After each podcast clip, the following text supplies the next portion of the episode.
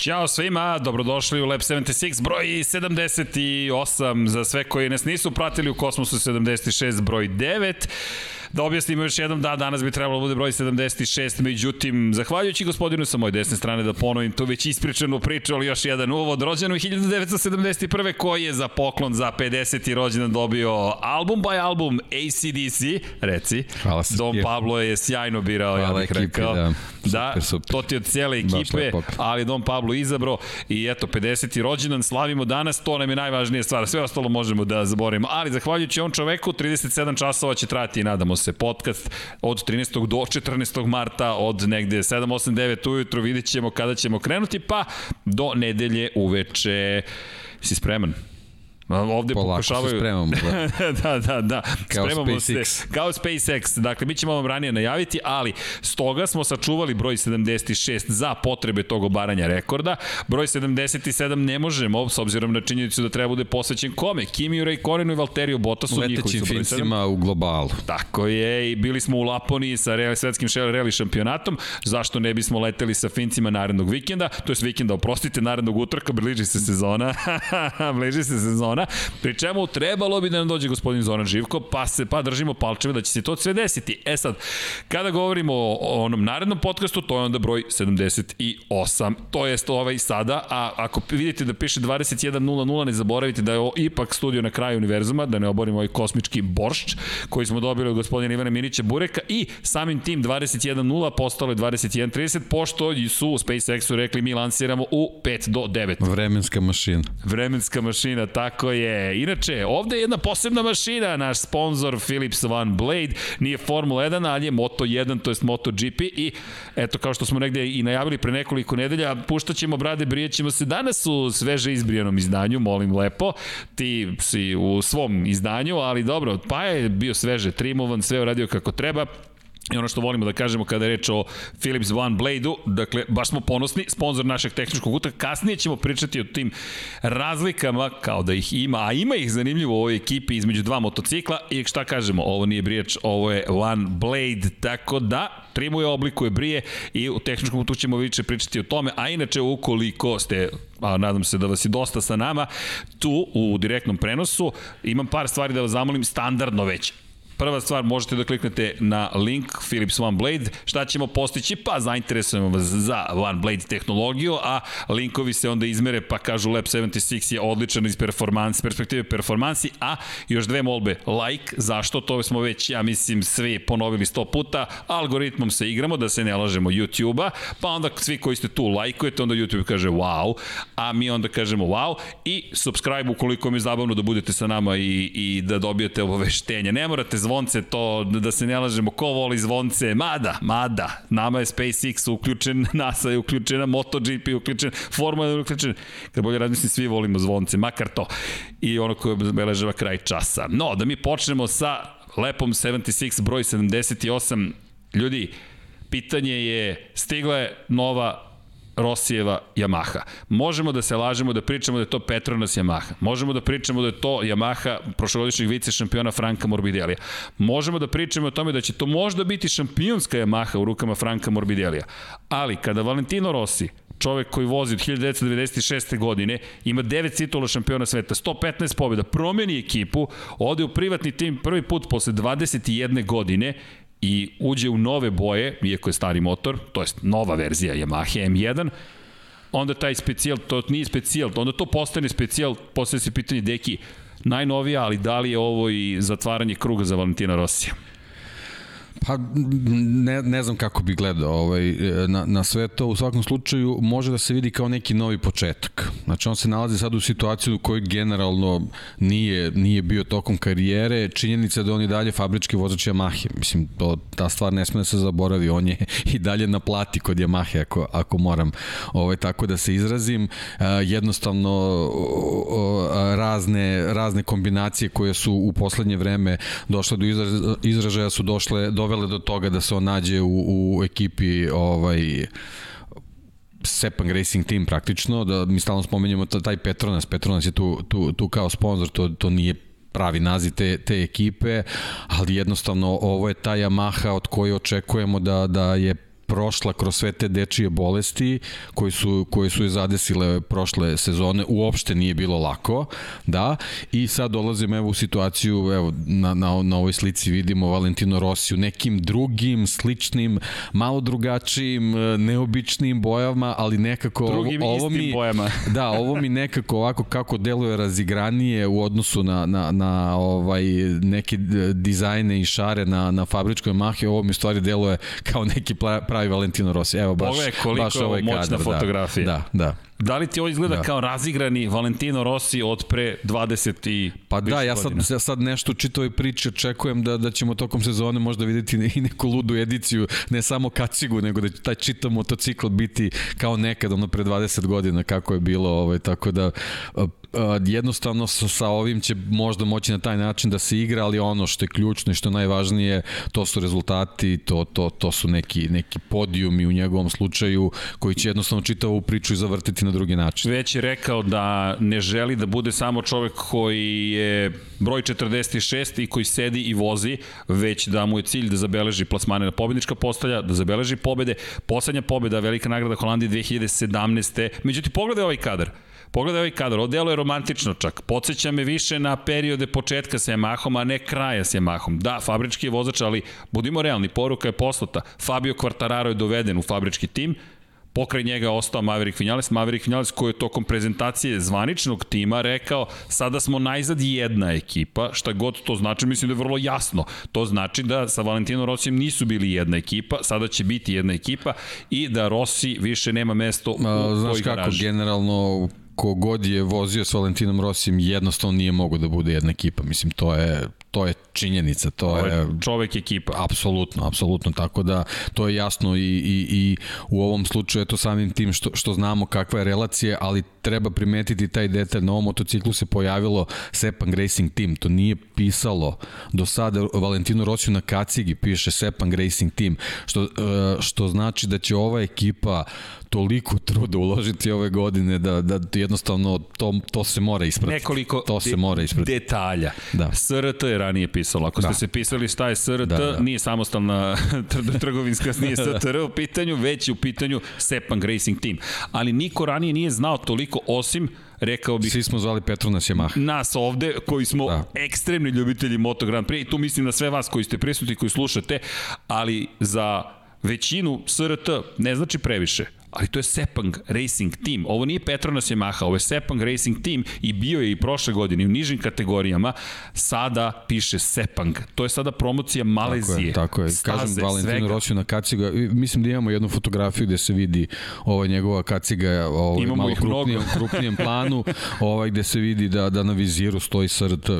Inače, evo, evo SRT. Se vidi, da. Pohvale inače da. za način na koji su prezentovali motocikle tim koji je dao fotografiju najvećoj rezoluciji, najprofesionalnije je bio Petronas Yamaha tim. Da, to je verovatno nečiji uticaj. Nečiji uticaj, rekao bih da je rekao momci krenuo, devojke. Već je krenuo. Da vam, jer da. prošle godine da. njihov sajt pa nije baš, nije baš obećavao iz te da. perspektive. Da. Sada se stvari menjaju. Ono što takođe, ako govorimo o detaljima, par stvari bih napomenuo. Petronas, Petronas, Petronas, Petronas, Petronas, Petronas, Petronas i Petronas. To je nešto kao u formuli AMG, AMG, AMG, AMG. AMG. AMG. AMG. Da, i svugde piše AMG. Monster sada je podvučen dole ispod VTU i Fly Me Too. To su novi sponzori. Ono što je mi zanimljivo, Green Power je iznad, ako pogledate Barakude, iznad je Green Power. Ne zaboravite, CIP Green Power ekipu u Moto3 kategoriji. Green Power se ne šali. Dakle, mi ovde sada govorimo o sponsorima koji imaju uz sebe Valentina Rosija. Ono što je zanimljivo kod izjave Maverika Vinjalesa meni, ako sada prenesemo stvari na Franka Morbidelija, nemojmo zaboraviti, to je čovjek koji je prošle godine na kraju sezone izgledao izuzetno. I pričat ćemo razlikama motorima, samo da se podsjetimo, ovo je nova verzija Yamahe koju vidite. Ako pogledate Morbidelijevu Yamahu, razlike postoju u tehničkom kutu, ćemo se pozabaviti time. Evo ga gospodin Franko Morbidelli, divan, predivan intervju je dao za Davida Emeta i Moto Metras, pričao je o tome da je prijateljstvo, da je ljudski odnos, sa osjećajnosti i ljubav da su važniji od uspeha i rezultata.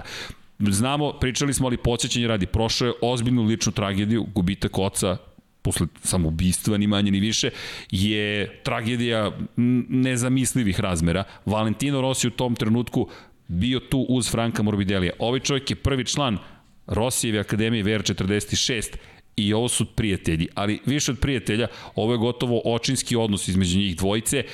Biće zanimljivo videti... Da, ovo nije samo promotivna Tako fotografija. Je, ovo nije promotivna fotografija. Ovde postoji ozbiljna ljubav, pri čemu Rossi Da, borit će se za pobede, ali mislim da prvi put u karijeri ima klubskog kolegu koga će malo drugačije posmatrati, što mislim da će biti snaga kompletnog tima i da zapravo Sepang Racing Team možda ima naj, možemo reći, najskladniji tim, to sam juče upotrebio slučajno u, u Lab 76 broj 75, bacite pogled, pričali smo o Alpini, Mercedesu, Ferrari, bilo je zabavno, ovo su sada Ovo je nova ekipa neka koja deluje kao da je porodica praktično. I ovo jeste porodica, ovo je savršen kadar, pogleda ih, ali Yamaha u rukama Franka Morbidelija je verzija iz 2019. godine, da, u rukama Fabija Kvartarara taj motocikl je, zapravo on čak ne možemo reći da je u, u rukama Fabio Quartarara, nekako je nasledio nešto što je Quartararo koristio, 2020. Quartararo je dobio novi motocikl i u ekipi Petronasa nije bio toliko upečatljiv, uprko s trima pobedama. Rossi ima novu M jedinicu, staru M jedinicu ima Franco, Lin Jarvis je objasnio da nije bilo para i da nije Yamaha tehnički, tehnološki mogla da proizvede još jedan motocikl. Već smo dovoljno, rekao bih, Da, da ne ulazimo ponovo temu, to, da. Ko želi može da posluša da, prethodni. Prethodni podcast, da, da. ali ne 77 ili 6, to će tek doći, već morate da se vratite na 74.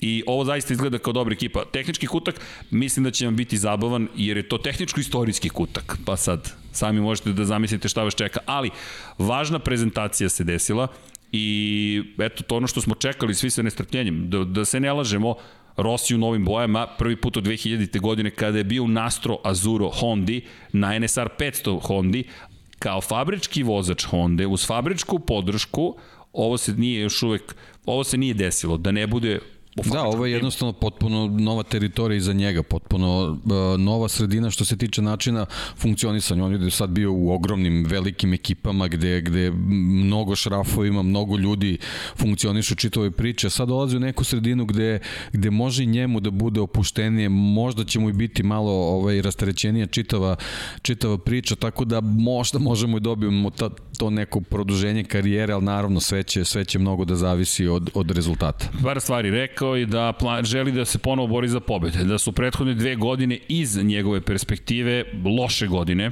negde razumljivo, ako pogledamo rezultate u prethodne dve godine, jeste bio treći 2018. godine, tada je bio na početku sezone često na pobedničkim postavljama, međutim sedmi u 2019. i 15. u 2020. godini, iako godina nije loše nužno počela. Jeste, otkazala je Maha u prvoj trci, u drugoj trci je bio na pobedničkom postolju, ali ako se vratimo na, na ostatak sezone, tri za redom odustajanja, pa COVID-19, dve propuštene trke, pa još jedno odustajanje, pet trka, zapravo šest ukupno kada pogledamo i ono posle odustajanju kojima nije osvojio poene i prilika za tu desetu titulu koju Juri propuštena, 15. u šampionatu sveta, tu se nikad Dobro, ta, nije desilo, ništa slično. 15. mesto, mislim, eto, čisto ako mogu da primeti, možda nije ni potpuno realno ovaj prikazalo njegovu formu, čitavu situaciju, spomenuo si taj COVID, onda onaj pad u Barceloni kad, kad je jurio bukvalno pobedu, znači sa te tri trke i nekih, da kažemo, desetak bodova pa puta tri, to bi bilo mnogo, mnogo bolja pozicija, ali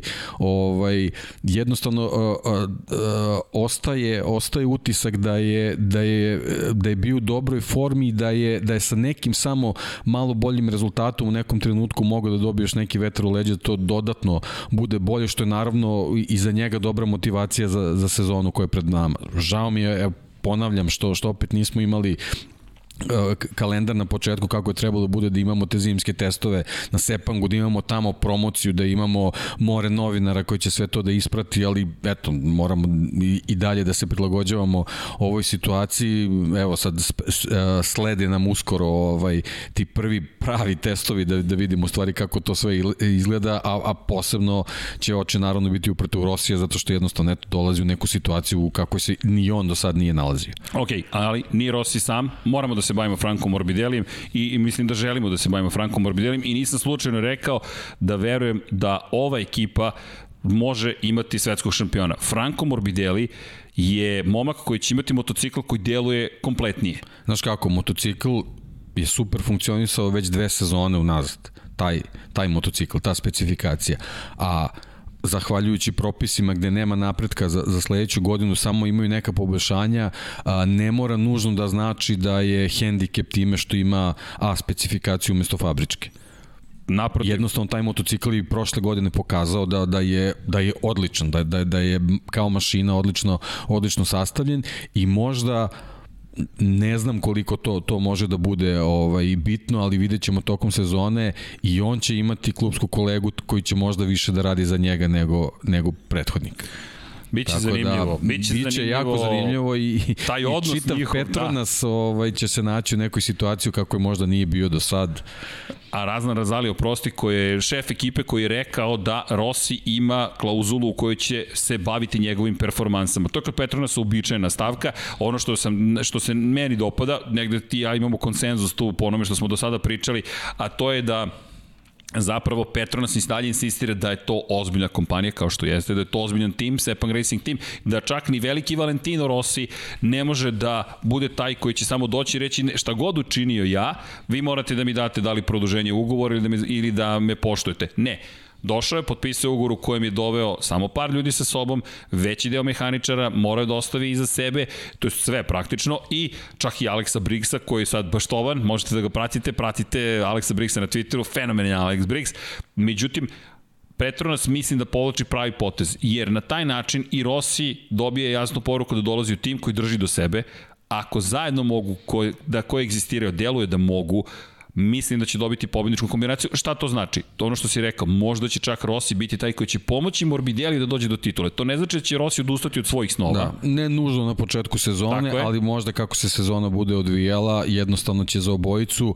u nekim situacijama možda biti lakše. Da, meni se dopada cijela kombinacija kako ju je e, praktično Petronas stvorio uz taj motocikl, zašto Franka Morbidelli moram ti priznati gledam kao ne baš nužno favorita, ali svakako je u grupi top 3 vozača za osvajanje titule šampiona sveta, deluje mi kao kompletan takmičar. Na kraju sezone, prošle godine, u poslednje četiri trke, dve pobjede, jedno treće mesto, jedan najbrži krug, jedna pol pozicija. Da, bio je 11. na drugoj trci u Valenciji. Međutim, rekao bih da to bio izuzetak, gotovo anomalija u celoj priči, evo rekao sam anomalija, dakle, deluje mi da je Franco Morbidelli taj koji je spreman da ove godine se pomeri korak dalje. I ako može da nastavi taj niz, ne zaboravimo, mi ove sezone trebalo da imamo jednu uobičajniju sezonu. Počinjemo 28. marta u Kataru, podsjećanje radi, 4. aprila smo ponovo Izvini, uobičajenije, uobičajenije je pre svega zato što smo već imali sličnu situaciju prethodne sezone i ne, nećemo se, nadam se, susreti s nekim novim, novim stvarima. Znači ovo je sad već nešto sa čime ekipe mogu da žive i mogu da se pripremaju na taj način. Pre svega imamo vozače koji su poučeni prošlom sezonom, vidimo da svi ozbiljno treniraju. Vrlo ozbiljno. Prošla sezona je počela, sećaš se kako smo pričali, svi su bili na igricama, na PlayStationima i onda su odjednom seli na motocikle i došli na stazu da je bilo 60 stepeni. Tako, videli, videli smo kako je već na treninzima bilo. Tako ulazite. I sve ono što smo pričali o povredama, uključujući Marka Markeza, je proizvod takvog nekog nezgodnog početka sezone. Ove godine su svi dobro naučili lekcije i mislim da, da početak godine neće biti kakav je bio prošle godine. Lepo si rekao, još jedna bitna napomena, trebalo bi da imamo predsezonska testiranja koja će biti dosta klasičnija. Ne, nemamo ih u Maleziji, imaćemo ih međutim u Dohi. I šta nam to donosi? Imaćemo dve trke za redom. Ono što sam hteo da kažem, mnogo je bitan početak sezone. Da, biće najuobičajniji početak sezone. Međutim, kalendar i dalje na početku podsjeća malo i na prošlu godinu. Dve trke u Kataru. Ok, prošle godine nismo imali samo Moto Grand Prix kategoriji, imali smo Moto dvojkama i Moto trojkama nekako nepotpuni vikend, iako je bilo savršeno gledati i kako se bore za pobjede i Tecuta Nagashima koji, koji beleži po, pobedu u karijeri, još na stazi na koje je Šoja Tomazajeva i slavio 10 godina ranije i ceo taj emotivni moment ali nema Moto Grand Prix. E, sada će imati dve trke. Međutim, testovi će biti u Dohi. Trka prva u Dohi druga trka u Dohi, svi će biti mega dobro pripremljeni za te trke. M zbog testova, M zbog već jedne vožene trke. Već ne, već tamo. Tako je. Juče su doputovali. Već su doputovali, da, niko neće da se igra. Da, da, sa karantinom, da. spremni su i mislim da će biti fenomenalne trke. Inače, raspon između trke je 7 dana samo, tako da ćemo mi otvoriti sezonu, što kažu, eksplozivno. Inače, istoga datuma, 28. marta, pa je prva trka Formula 1. U Komšiluku, u Bahreinu, dakle, idemo u zaliv i bit će interesantno za praćenje. Pod svetlima reflektora, novi su reflektori inače u Losailu i to su LED diode, zadovoljna je komisija bezbednostna bila načinom na koji su promenili praktično rasvetu, nešto mekše osvetljenje. Vidjet ćemo da li će uticati, mada ja se nadam da neće na spektakularne kadrove, a posle toga velika nagrada Portugalije. Što me vraća na Franka Morbidelija? Morbidelli protiv Jacka Millera za poziciju 2 izgubio je tu bitku, bio je treći i opet Miguel Olivira koji se vraća na mesto zločina tamo gde je izdominirao. To su u drugom periodu godine, Tako to je. trebamo isto da, da uzmemo kao, kao bitan faktor. Tako je, ali deluje kao Pričat ćemo da je... kad dođe vreme, tako nadam se za tu tako trku. Da. Ali onda da. idemo u Španiju, pa Francuska, Italija, Katalonija, Nemačka, Holandija, Finska, Kimi Ring, 11. jula, pa Austrija, Velika Britanija, Aragon, Italija. E sad, do kraja, do septembra, do oktobra, bi trebalo da postane međunarodno prvenstvo, to je da ne budem interkontinentalno, da odemo u Japan, pa na Tajland, pa u Australiju, pa u Maleziju i vratimo se u Valenciju. Odložene trke su Argentina i Sjedine američke države i rezervna trka i velika nagrada Indonezije. To je najnovija informacija. Dakle, deluje da ćemo imati jednu sezonu koja će, imati, koja će dati dovoljno vremena da se organizatori trka u Aziji pripreme i nadamo se već tada uđemo u neko post-covid vreme. Ali, da se vratim na Morbidelija, na stazi koji je bio brz, uz Yamahu koju poznaje, koja je vrlo konkurentna, uz Rosija, uz podršku Petronasa, jer i Petronas je rekao, sada stojimo iza Morbidelija, ko je bio najbolji vozač Petronasa prošle godine? Nije bio Fabio Quartararo. Ko je? Franco Tako Morbidelli. Je. Ko je bio vice šampion? Franco Morbidelli. Ko je bio najbolji vozač Yamahe na kraju sezone? Franco Morbidelli. Pri tom, Franco Morbidelli na trci u Kataru ima motocikl koji je u određenom procentu vozio na trci 2019 neka, neka ovaj, neke brojke postoje. Da, ne, to mi nije palo na neki pamet, podaci bravo. postoje. Uh, jeste da će biti da, testiranje, ali to je jako kratak period. A ti imaš podatke već? Tako je. On već ima za taj motocikl određene podatke. Iz trke? Tako je. Fenomenalno. Tako ok, je, Franco, for the victory. Bio je pet, inače Dobro, naravno, moramo da pratimo testiranje. Moramo da vidimo kako, kako, o, kako će te promene na, na A, A specifikaciji da utiču na, na ponašanje motocikla. Ali da napomenem, bio je peti, ne na toj stazi, ali tako je otvorio sezonu. Nije baš bio idealan početak sezone. Inače, kada je bio šampion sveta, 2018. godine u Moto2 klasi, početak godine, pobjeda u Kataru i pol pozicije u Kataru. Sve su to da se bitni podsjetimo. elementi. Tako bitni je. elementi. Ok, nije Franco Morbidelli slučajno tako isto. Ne, moramo da pričamo o čoveku koji je vice šampion sveta. I čak, pazi sad ovo, čak i, i uz činjenicu da si Rosijev, klubski kolega, ti te kako privlačiš pažnju. I mislim da nije umanjen značaj Franka Morbidelli dolaskom Valentina Rossi, da, što mislim, nije lako. Mislim da, da taj čitav paket će privući ovaj veliku pažnju. Naravno, Rossi će podskočiti, jednostavno mora, mora to tako da bude prirodno je, ali jednostavno taj paket je jako lepo spakovan, najkompaktnije deluje, ovaj, i vidjet ćemo šta, šta može da pruži na, na, na početku sezone ovaj, uzevši u obzir sve ove stvari koje smo rekli vezano za te neke detalje iz prethodnog perioda.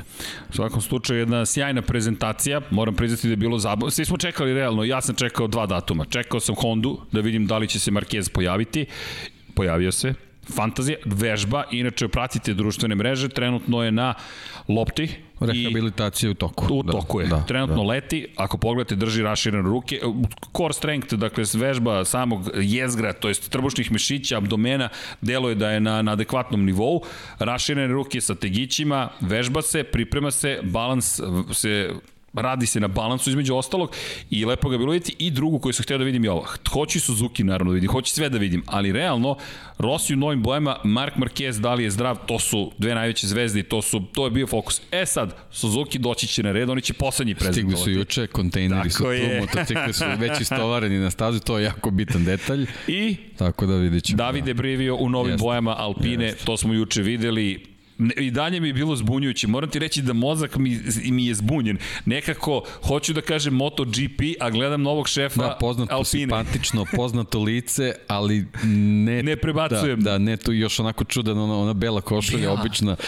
Jesi vidio kako su ih isekli? Kropovanje da, je bilo da, loše. Da. Neko green screenu su bili, onda su mu isekli. Ne, generalno čitava ta, ta digitalna prezentacija Renaulta samog u prethodnim godinama baš, baš mi smeta ovaj, ali dobro, okej, okay, mislim, odlučili su, se to je neki njihova... Novi trendovi. Da, ne, neka njihova shvatanje tih komunikacije, sve okej, okay, ali, ali, ali je nekako, nekako je ne, nedostajalo ta, ta neka neposrednost koju smo imali na, na nekim drugim prezentacijama. Jao, mandarina daje dobar predlog. Trebalo je ovaj podcast da se zove 75B po uzoru na bolide u novoj sezoni. Sjajno, bravo, ne, ovo da, da. Trebalo je, da. trebalo je zapravo, ne, ne, tre, trebalo je da... Mi smo to prebacili na kosmos. Na kosmos 9K, ali trebalo da. je Lab 75L. Inače, Hvala, možda najava je da će za sat i po biti lansiranje, samo da znaš. Okay. Prve najave govore. Da, evo samo da, da dopunimo, ostaćemo pitanje za kraj, ali e, pitanje je da li može Morbidelli da nasledi Vinjalesa na mestu fabričke mahe. O, i te kako može. I te kako može, tu se sada postavlja pitanje i sponzorskih ugovora tako je, i, tako i je. šta kaže... A svi su u tom nekom jako sličnom paketu, Jeste. da sad ne, ne, Jeste. ne spominjemo konkretno. To da. će, biti, to, to će biti zaista interesantno. Međutim, Morbidelli ima i te kako ozbiljnu priliku ove sezone. Mark Marquez, držimo u palče da se oporavi, ne znamo kada će izaći zaista spreman na stazu, kada će uopšte sesti na motocikl. Još nije se na motor i želimo mu pre svega da se oporavi, da budu mudri svi oko njega i on sam i da tek kada, nadamo se se u potpunosti oporavi, kaže, ok, sada faza broj 2, 7 na motor bilo koji motor, pa onda na Ma bicikl, motocross, ja, samo da ga vidim da bicikl, da drži tako je, tako je. to će biti već, već ohrabrujuća stvar. Tako je. Idemo dalje. Imamo mi još prezentacija. E sad, hoćemo, samo da vidimo Don Pablo, hoćemo da bacimo pogled na pramak ili hoćemo da bacimo pogled na tehnički kutak? Šta kaže Don Pablo? Pramak. Ne još, okej. Okay. Imamo tu malu zadršku. Zašto? Pa Pramakovci su zapravo predstavili svoj motocikl. Ali hoćemo da, Ducati u pitanju, očigledno, ali hoćemo da vidimo u novim bojama i jedan... Pa i ovo Yamaha. pa i ovo Yamaha, budimo to. realni. Da, da. da nije Valentino Rossi, pitanje koliko će se šta desiti. I doći ćemo u tehničkom kutku na tu priču, pre svega o Yamahi. Zašto o Yamahi?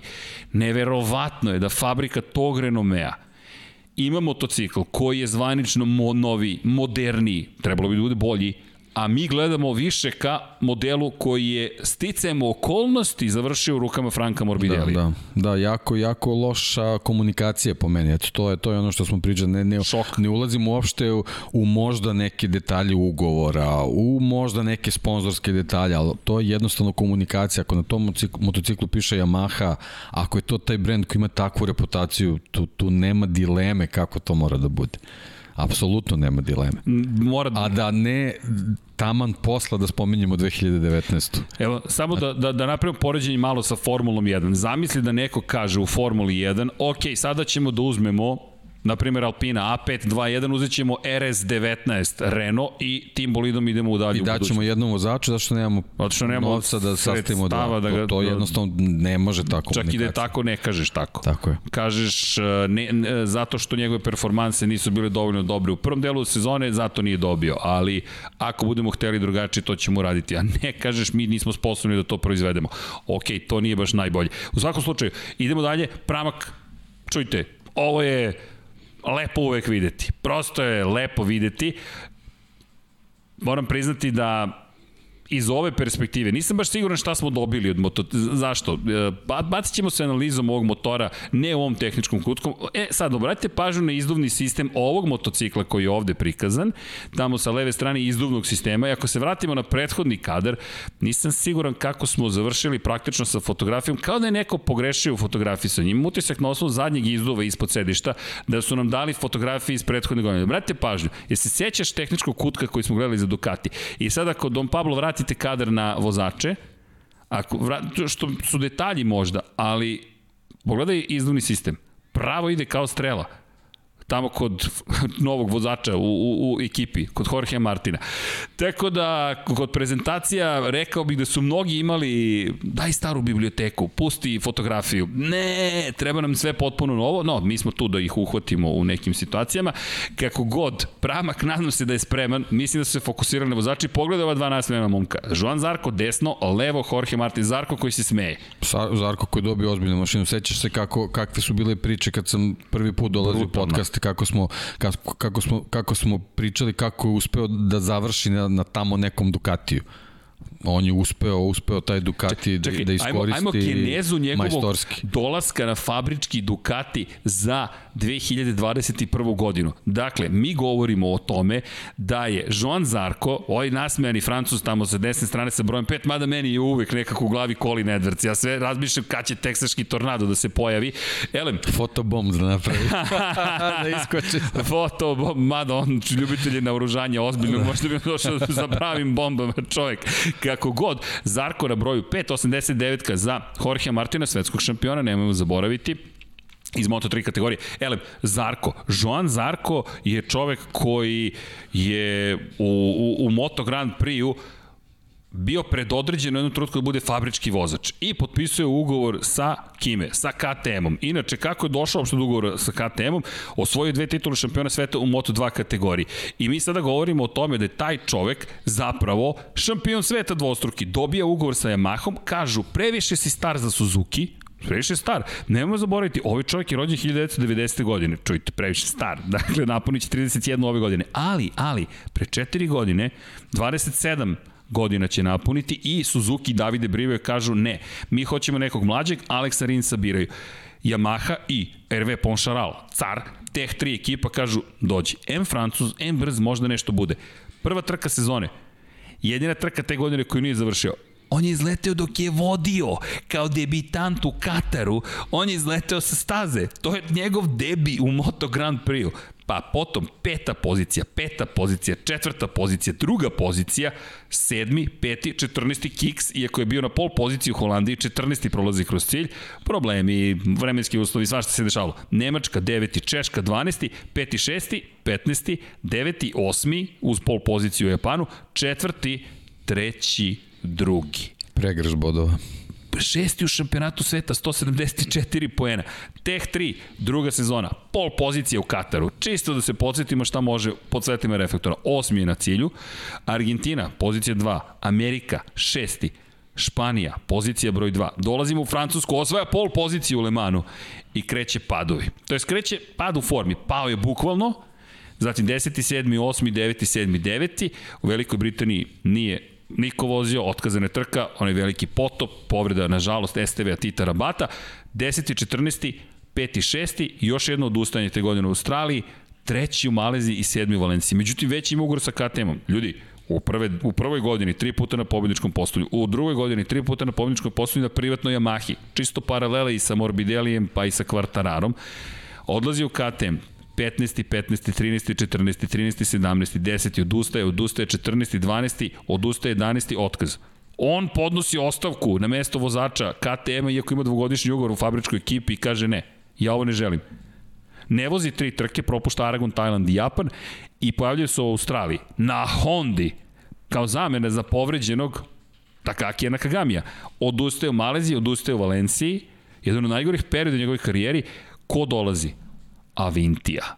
Spasioci Avintija, da, bukvalno. Rubin Zaus. Daj šta daš. Daj šta daš. Iz njegove perspektive. I Ducati koji je stariji, ali je Ducati. U Španiji 11. Na istoj stazi u Herezu 9. pozicija na drugoj trci sezone.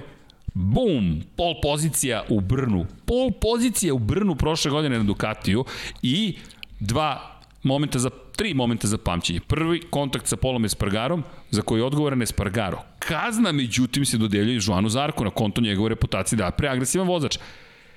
Dugi krug, evo naježio sam se ponovo, davno se nisam naježio. Dugi krug u Brnu, najsavršeniji krug svih vremena. Uz liniju, op, op, tamo u krivini broj, koja je to? To je šesta krivina. I on čovjek zadržava treću poziciju i menje se na pobjedičko postolje za Vintiju i svi kažemo, ok, dolazi Austrija, drama sa Morbidellijem, katastrofa, ono lansiranje motocikala da, pored Vinjale ups and downs je bilo u tom periodu. Tako je, 14. 15. 11. odustaje u Kataloniji i to ironija, na mestu na kojem je bio upečatljiv u Moto2 klasi. Dve pol pozicije, dve pobede za redom u šampionskim sezonama.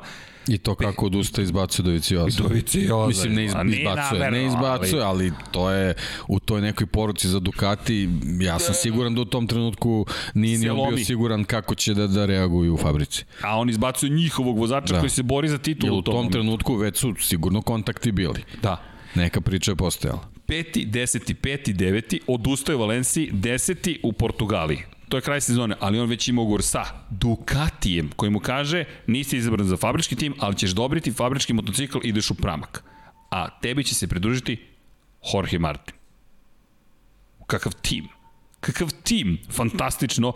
I Pa evo da se vratimo na njihovu fotografiju, da bacimo pogled na, na, na tu fotografiju, to izgleda, to izgleda kao jedan tim koji, onako, bela pozadina, Infinity tamo, jel te, nema, nema pozadine, ali Zarko koji je nasmojen, to je redkost ljudi, čisto da znate. I ovaj čovek, posle svih tih peripetija i svega što je uradio ili nije uradio, je na motoru koji je identičan onim koji će uprotiti Francesco Peko Banjaja. Zarko delo je opušteno, a Martin kao da ima tremu. Ma da! a, da. Ovo će biti ozbiljna ekipa. Pri čemu mislim da je legitimni naslednik Jacka Millera, kao usijana glava u toj ekipi Joan Zarko. Ali Martin će imati ozbiljno težak zadatak ovde. Veoma težak zadatak, jer Martin koliko god je talentovan brzo, setimo se i njegove sezone, Jorge Martin, iako ga zaista poštujem, verujem da bi da nije, se, da nije bilo COVID-a prošle da, godine, da bi se, absolut, ako ništa drugo, borio za titul sigurno, šampiona. Sigurno, sigurno. U Moto2 klasi, međutim, to se nije dogodilo. Ovaj momak inače 8 godina mlađi, 98. godine rođen, međutim, njegova karijera je zaista Dobra, dobra, impresivna bih rekao u jednom periodu. Dve godine na Mahindri 2015. i 16. Kogod je vozio Mahindru, inače bio je na pobedničkom postoju u Češkoj, u Brnu, pozicija broj 2. Zatim bitka za, pa i možda i titul 2017. četvrti je završio sezonu. Pobeda u borbi za titulu šampiona sveta protiv Marka Beceki 2018. 260 poena, vrlo jedan lep rezultat i više od toga rekao bih. Sedam pobjeda te sezone je zabeležio. Zatim, teško prilagođavanje KTM u Moto2 kategoriji, zatim prelazak na Kalex, dve pobede prošle godine u periodu kada je delovalo da će se boriti za titul u Austriji, to je na veliko nagrada, velika nagrada Austriji, Štajerski, prvi, drugi i potom COVID i dosta problema, peti na kraju sezone, ali na šta se vraćam? Na KTM sezonu. Nije se tako lako prilagodio motociklu koji nije nužno jednostavan za vožnju. Na Hondi je osvojio titulu i čak i u Moto3 klasi ta Honda je nežnija, sada dolazi na zver naj i brutalniju zver koja postoji u Moto Grand Prix šampionatu. Kao da nije dovoljno što je Moto Grand Prix, već ideš na Ducati. I imaš Zarka pored sebe. I jako malo vremena za, za pripremu i upoznavanje. Ozbiljan test. Ali dobro, tu su. Ali nije jedini. Ali, da, da. Vezan za Ducati nije jedini. Nije jedini. Da, da, da napomenemo, već smo vidjeli, oni su prvi predstavili, naravno, spomenut ćemo s osmehom, mada oni imaju motori iz 2019. i Luka Marini, koji je impresivan bio i Enea Bastianini kao prošlogodišnji šampion Moto2 klase. Zanimljivo je da Ducati odustao od toga da im daje GP20 i rekao ne, GP19 za vas dvojicu, a GP21 za ostala četiri vozača. Pramakovce i fabrički tim Ducatija. Kao da je i Ducati shvatio da te premale razlike možda ne izgledaju tako dobro da. kad jedan Zarko dođe osvoji pol poziciju u najmanjoj ekipi koju ti podržavaš. Koliko god da Davide Tardoci ide iz garaža u garažu i Da, ali činjenica Ducati ima šest motocikla. Šest. To je, to je razlika u odnosu na ono što smo pričali malo pre za Yamahu. Jeste. Jednostavno, jako je teško proizvesti šest motocikla.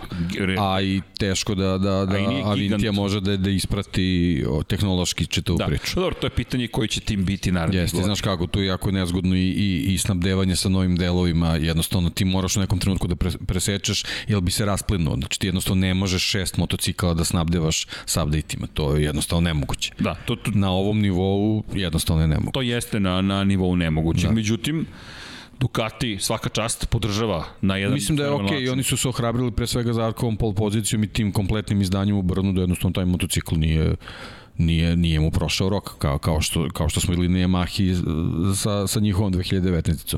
Znači malo neko osvežavanje, usklađivanje sa, sa nekim novim elementima vezanim za napredak i to može sasvim okej okay da bude. Držim, držimo palčeve, zaista držimo palčeve. Inače, da ne zaboravimo i Apriliju, čekamo i Apriliju. Aprilija je isto stigla. Da, čini mi se sutra, je da tako, su, sutrašnja najava. Tako je, tako, tako je, da. tako je. I biće vrlo to, biće, meni je to zanimljivo. Zašto? Jedva čekam da vidim Apriliju, duboko verujem i dalje u taj projekat. Ono što mislim da im nedostaje, negde ti ja to ponavljamo, probni vozač par excellence neki, da to, to nije... Ali nisu još oni izgleda došli u fazu da su im sad finese bitne.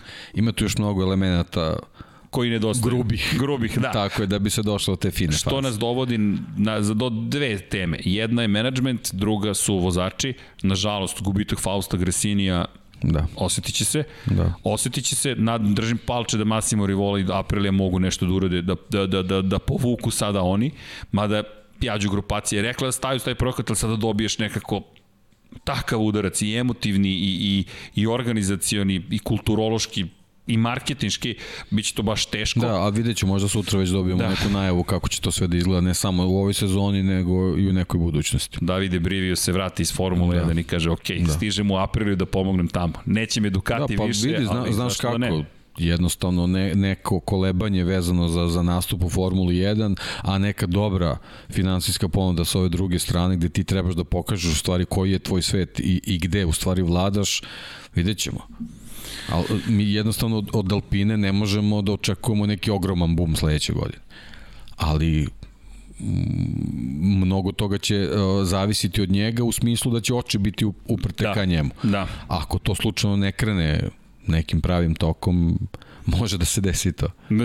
Može da se desi. Pa, da, ako se vratimo Nika Harrisa, to je čuveni komentator MotoGP-a, koji je sanjao da ode u Formulu 1, otišao je u Formulu 1 i onda je sanjao da se vrati u Moto Grand Prix, vratio se i sada je izvanično legenda Moto Grand Prix. Da. No, pratit ćemo, pratit da, ćemo jedino da, eto, ono, spomenuli smo prošli put, veliki udar za Moto Grand Prix da, da u jako kratkom periodu ostane bez dvojice Jest. lidera u, u, u ekipama. To Jest. je baš onako nezgodno ovaj, pre svega zbog tog, te neke izjednačenije borbe na gridu. Da. Aj sad vidit ćemo, i od Suzuki-a mnogo zavisi, naravno, pamtimo, kako će oni da se reorganizuju. Da. Pamtimo, pamtimo da. Fausta Gresinija, tu nam i dres Nemanjin, da. Nemanju pamtimo takođe, pogotovo za današnju emisiju mora dres, s obzirom da je to predstavljeni novi motocikl Valentina Rosija. Imamo još stvari kada reč o toj prezentaciji, i tehnički kutak i nešto, ja se nadam da, da možemo da izvedemo pet stvari koje možda niste znali što o Franco Morbideliju, pustit ćemo u originalnom originalnoj izvedbi, pet stvari o Valentinu Rosiju, pa ćemo da ih prevedemo, čisto da iskoristimo priliku kada su se već prezentovali na jedan dodatni način,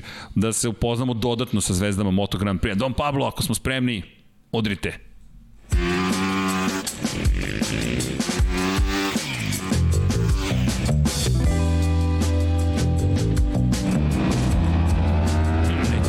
Tehnički problem imamo možda sa zvukom.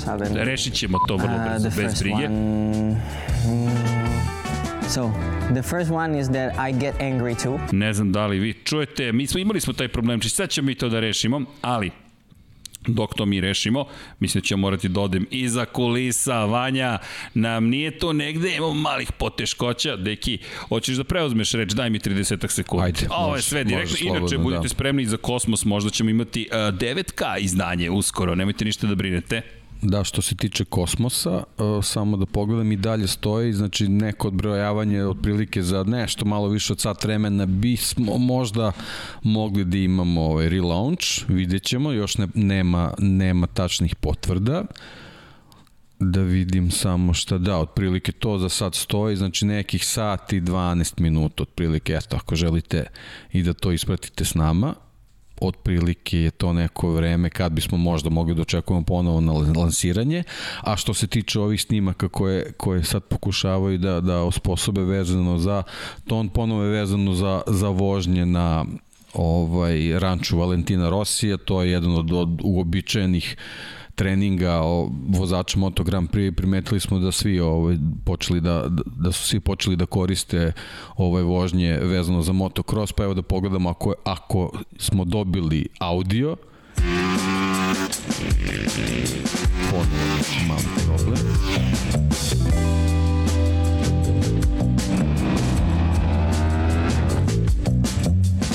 da vidimo da li je nešto vezano za file. Uh, the first one. Ako vi čujete the first one is that I get angry too uživajte. sometimes. The second one is I like sports, all kind of sports. The third one, um, I love nature. I'm really also into nature. The fourth one is that I have a pretty existential approach to the life. So I think I'm I'm quite uh, yeah particular on that side. And the fifth one is that I'm lazy. I'm very lazy.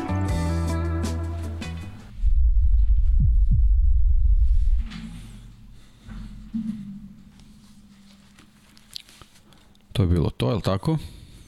Da, to nam je bio Da, mi nažalost u slušalicama nismo da, da, imali. ali da, zato, su nas, ali, evo, zato nas vidimo, izbuzilo. Hvala ali svima hvala. ovaj, za, za poruke u četu, važno je da vi čujete. To je, to je Tako najvažnije. je, tako da idemo Super. sada i sa gospodinom Valentinom Rosim. To je jedino bitno, mi smo čuli već.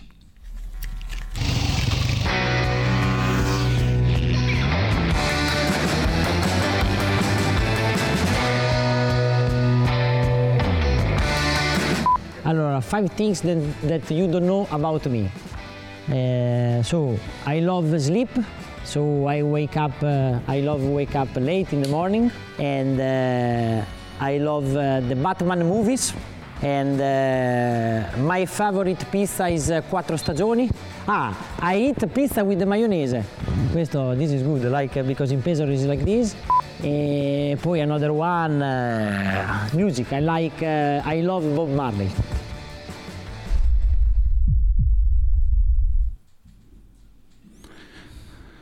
Pa eto nas nazad. Šta je rekao Valentino Rossi? Voli da spava, da... Dugo. Dugo da spava. da se kasno budi. Da. Omiljena pizza mu je quattro stagione. Jede ali, picu... ali sa majonezom. S majonezom. Katastrofa. To, nemam, nemam komentar, voli Batmana i kada je reč o, muziku, o muzici voli Boba Marlija. Ja ne znam, da li imaš neki komentar na, na ovu picu s majonezom? to, to kad sam čuo stvarno mi je bilo strašno. Ali to je to neko njegovo deto njemu, mislim. Ne znam. ok, da, ne znam Da. kako. Čekaj, pizza s majonezom. Još quattro stagioni. Ajde, kak, na koji deo quattro stagioni stavljaš majonez? Pa ne znam, na deo koji želiš da upropastiš, verovatno ne znam. Stvarno ne znam, ali Da, to mi je, to mi je utisak kompletno ove priče. Da, inače za Franka Morbidelija voli da se, ne voli, naljuti se ponekada, voli sportove, voli prirodu, to mu je treće stav, stavka koju je izneo. Četvrta stvar je da zapravo smatra da je egzistencializam mnogo važan, da je prosto, kako pravilno da je jednostavno specifičan po tom pitanju i peto je da je lenj. Ok, ne mislim da je Franco Morbidelli nužno lenj, ali ok, ako on tako mis, misli, onda je sve u redu. Da, u svakom slučaju, eto, Franco Morbidelli i Rossi su se I po predstavili ovim izjavama vidimo da neke dve obične osobe jednostavno, Da, jednostavne. ljudi koji rade posao, Da, koji vole tako je, i, tako je. i fenomen. Evo imamo preporuku probaj sa Heinz majonezom. A ako niste probali, nemojte kuditi. Okej, okej. Okej. Ok, ja mislim da imamo challenge accepted, dakle izazov je prihvaćen, uh, ješćemo picu sa majonezom. Ok, U broju 76. da, čekaj, hoćemo ovo da primjenujemo sada u 75L. Može. Ma ja sam za. Mandarina to problem, predložila, ako se dobro sećam i to je to. Da, da napravili smo malo konfuziju s ovim brojevima, neće ljudi moći da isprate. Misliš tako da mi možemo da, da ispratimo? da, Pravo da. Ja se pravo si. slažem, slažem. Slažem se, slobodno, ok, da. usvojeno Da. 75 L će da bude oznaka za ovu emisiju, to ćemo Mislim da i ovaj predlog zaslužuje neku nagradu, to bismo trebali da... Ovaj, Da zaslužuje na Nešto koju ćemo mora. sada nagradu. Nešto da smislimo moramo. Moramo da se odužimo za ovaj predlog. Ok, smislit ćemo. Da. Smislit ćemo, da ne smišljamo sada uživo. Tako je. Imamo još poslova nekih koje treba da obavimo i hoćemo da se bacimo mi na tehnički kutak. Ovaj tehnički, istorijsko-tehnički kutak će potrejati. Tako da se spremite.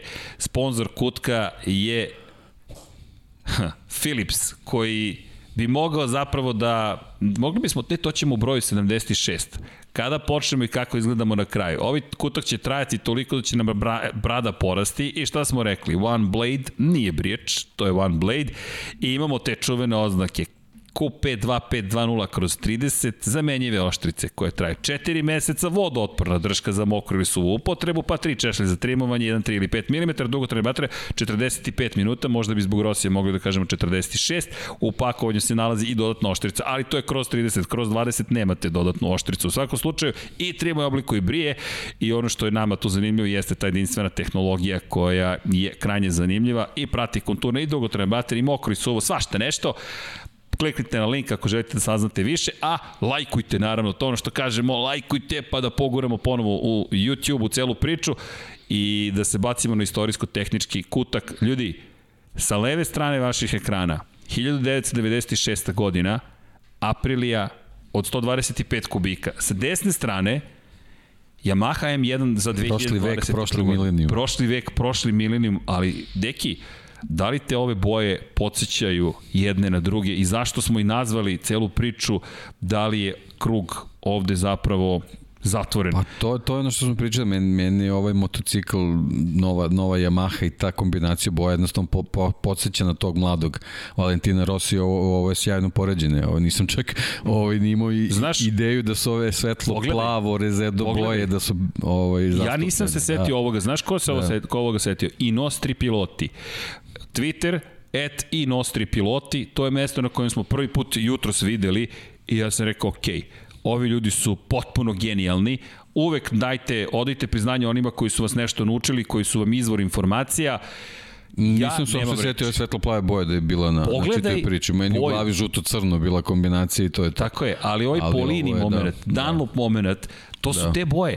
I ja ne znam da li je ovo planski učinjeno, jer ako pogledaš, Petronasova boja se promenila u odnosu na prethodnu sezonu. I mnogo više podsjeća na ovu Poliniju i reče hvala Bogdanu za ovo što je uradio, uvijek je tu i Rosjev potpis tu imate. I potpuno neverovatno. 125 kubika, 1000 kubika, 25 godina razlike i boje su tu negde. Iskreno, nadam se da krug još nije zatvoren. Zašto? Želim da 2022. godina bude godina u kojoj smo zapravo došli do toga da imamo pune tribine i da Valentina Rosija publika isprati Tako ukoliko to je ono što nedostaje. na pravi način. Da. Ovaj čovek je zaslužio da ga tako isprati publika. Bukvalno je zaslužio da po, budu prepune tribine, pogotovo Muđelo da dođe i kaže ok, opraštamo se od Valentina Rosija. No, idemo dalje, ovo je tek početak njegove karijere. Vidjet ćete šta smo sve spremili, Da, i ovde se vidi da, da, da proizvođač kaciga može da izgura jednu, Da. jednu sezonu u nižim kategorijama. Da, da. Kasnije to nemoguće. Da, bit će zanimljiv sledeći kadar, da. tehničko poređenje, e, 125 kubika, dvotakni motor, apriline proizvodnje. Pogledaj ko je sponsor 1997. godine. Da. Već mora malo neko jači da se uključi da, Da, čitavu na, priču. naše plavo. Da, da. Da, tako, da. Na, nastro, Nostro, Da, ne, nije Nastro. Nastro. Ne, ne znam šta je Nastro, pogrešio sam, ali Nastro Azuro je stigao. I to je i dalje motocikl, ali ovo sada prvi šampionski motocikl. Idemo dalje. Imate specijal broj 46, posvećen Rosiju, 5,5 sati traje. Međutim, rešili smo da se malo prošetamo inspirisani ovim bojama koje je i Nostri pilot istakao. Aprilia 250 kubika, prva sezona, vice šampion je bio na ovom motociklu. Zanimljivo mi je bilo ako pogledaš kacigu, to nisam primetio prošli put, kao da ima Ajkulino peraje. I ako se setimo, da. Da. svojevremeno Jorge Lorenzo je pokazivo da je Ajkula, pošto je Rossi rekao da on mala ribica koji će postati Ajkula, ali on je imao aerodinamičku, vrlo interesantnu kacigu 98. 99. je šampionska godina bila, pogledaj ti sve koje je kombinacije imao. Nastro Zuro i dalje tu, ovo je, možete sami pretpostaviti gde i kome je posvećeno. E, to je ono što želim da vidim u, u ovoj sezoni, Da. To su To mi te zato- najave. Zato me to, to, to, to, podsjetilo. to, to. Čitava ta To. priča sa, sa ovom, ovim bojama na Petronasu. To je ta priča koja nam je zanimljiva jer uh, želimo kada kada inače ovo prestalo s motorima da se da se događa prestalo je 2001. godine sa Havajkama, ali doći ćemo. Idemo dalje. Ovo je šampionska sezona Valentina Rosija. Ovo je moment kada priča o miru. Dakle, Valenti Peace and Love i jedan prelepi dizajn, opet ta igrivo, igranje bojama, šarm koji nosi sa sobom mesec, sunce Vesele koji ga prate. 70. Tako je, vesele, bukvalno vesele, se, pa, pola, vesele 70, 71, 76, dobro je, dobro je. Dobra je. Idemo dalje. Nastro Azuro, ovo je taj čuveni motocikl. Ovo je poslednji put da je Rossi bio u privatnoj ekipi. Poslednji put da je bio u privatnoj ekipi, čuvena Honda od 500 kubika i PlayStation 2. PlayStation 2, čekaj, možemo po PlayStationima da pratimo karijeru Valentina Rosija. PlayStation 5, ko kupi PlayStation 5? Car. Ili carica. Pozdrav za sve dame koji su na streamu. I ovo je motocikl koji se pamti baš zato što to jeste ugovor sa fabričkom ekipom, ali Repsol je dole niže, iznad i dalje. I sad je slična priča, on i dalje ima ugovor sa Yamaha. Tako je, tako je, tako je, to je To je prilično slično je sad razlika u tome što što je ovde praktično fabrički tim njemu jako dobru jako dobra leđa obezbedio. Jeste. Sad u, u Petronasu mislim ka, koliko se vidi i tu će se pojačati tim, ali ovaj neće to biti na taj način kao što je bilo u ovoj sezoni. 2000... A ovo je bilo pre 20 godina. Ovo je pre 20 godina. pogledam, š, pogledam šovu pozadi i pogledam sponzore i kažem, ok, koliko su se stvari promenile. Nema šove, Olins je sada svugde praktično. Dani Pedrosa je inače taj koji je okončao karijeru šove u redovima Honda i insistirao na uvođenju Olinsovih oslanjanja.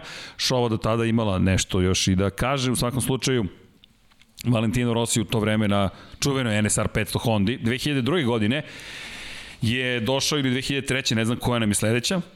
O, skočili smo na 2006. ali ne znam kako je nestala. Mislim da nam je nestala. Imali smo negde i Repsol Hondu, ali ok, skok smo napravili na 2006. na jednu malo drugačiju Yamahu. Ja znam šta se desilo, ali dobro. Idemo da, vratit ćemo se na taj Repsol, mislim da ćemo ga ubaciti negde umeđu vremenu, no, ovo je Yamaha koja nije donela titulu Valentinu Rosiju, ali je promenila, to jest bila značajna iz perspektive promene boja. Da bacimo pogled na sledeći, Don Pablo, pustite to, to, ko zna, Bogdanu se nešto nije dopalo pa nam je ukinuo dizajn. 2007. godina, Abarth. Prosto... Da, Fiatovo sponzorstvo i i specijalne edicije Specijalna vezane edicija. za boje, da. Ali sad da. je u crveno-belim bojama. Idemo mi dalje, bilo je tu još boja. Fiat. Ovo je inače poseban bio 2008. u čast koga? Reprezentacije Italije. I ako pogledate, ima grb italijanske futbolske reprezentacije i izgleda kao futbaler praktično. Imali, imao je čak i kacigu kao futbolsku loptu i svašta se događalo. U svakom slučaju čovek koji je mnogo toga učinio tokom karijere kada je reč o različitim motociklima. Ovo je klasični Fiat 2008. godine, čisto da ga se podsjetimo.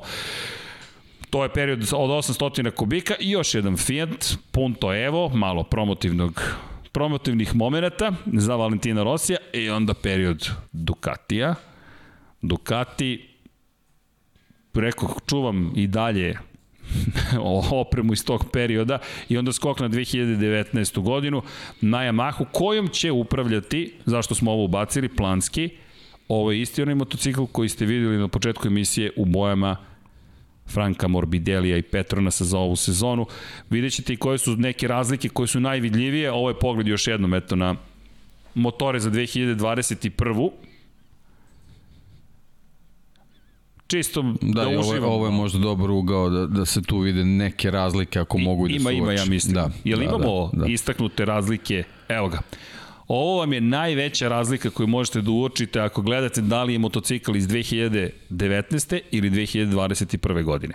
S leve strane Rosija sa brojem 46, sa desne sa brojem 21 Franka Morbidelija. Možete i sami da procenite kolika je razlika kada govorimo o, o pogledu u brzini, da li možete da uočite koji je motocikl u pitanju. Vrlo, vrlo, vrlo je teško to uraditi. Ovo je najjednostavnije iz perspektive onoga što što se vidi na prvi pogled, a kada je reč o nekim drugim, znam šta se desilo, dizajneru, jao Bogdane, sad si spomenut ovde u podcastu, Bogdane Bogdane, e, izbacio mi je Repsol Hondu, Zašto? Verovatno je rekao da mu se ne uklapa kadar, ali ćemo to mi da izmenimo tijekom ove emisije i vratimo nazad. Dom Pablo, ne zamerite, mi vam komplikujemo život jer zašto bi bio jednostavan. Sigurno ćemo se uključiti u, lansiranje SN10 tokom ovog podcasta, ali da se vratimo samo još jednom tehnički utak da ispoštujemo. Rekli smo da će malo duže potrejati. Neće nužno potrejati analiza tehnička, ali bih se vratio na onaj kadar koja je razlika, jer nije mala razlika. Dakle, iako delo je na prvi pogled da je malo u suštini, šta je Yamaha učinila prethodne godine. Mnogo se bavila zapravo snagom motora i odzivom motora. Problem je napravila sebi Yamaha u tome što je prilikom, obratite pažnju i na hladnjake, drugačije su da, vidi postavljeni. se da nisu isti. Da. Vidi se da nisu na, na isti. Ukoliko, Viljuške, tako sve, je. sve je drugačije. Viljuška je drugačija. Na prvi pogled u brzini kada pogledate, možda nećete odmah uočiti, ali drugačiji su ma logo M1 je drugačiji. da, da. Sve je drugačije. Pa, kada malo bolje pogledaš, da. jeste. Dosta da. stvari drugačije i iz te perspektive mi ne znamo ono što ne znamo i što je najveći problem za Yamahu jeste da li ovaj motocikl levo zaista predstavlja njenu budućnost ili ne. I to je meni najstrašnija poruka koju trenutno Yamaha šalje. Ima Valentina Rosija, Maverika Vinjalesa, Fabio Kvartarana na tim motociklima i koga god da izaberete od njih trojice, nijedan od njih ne treba da bude u situaciji da ne zna da li je ovo budućnost razvoja motora ili ne.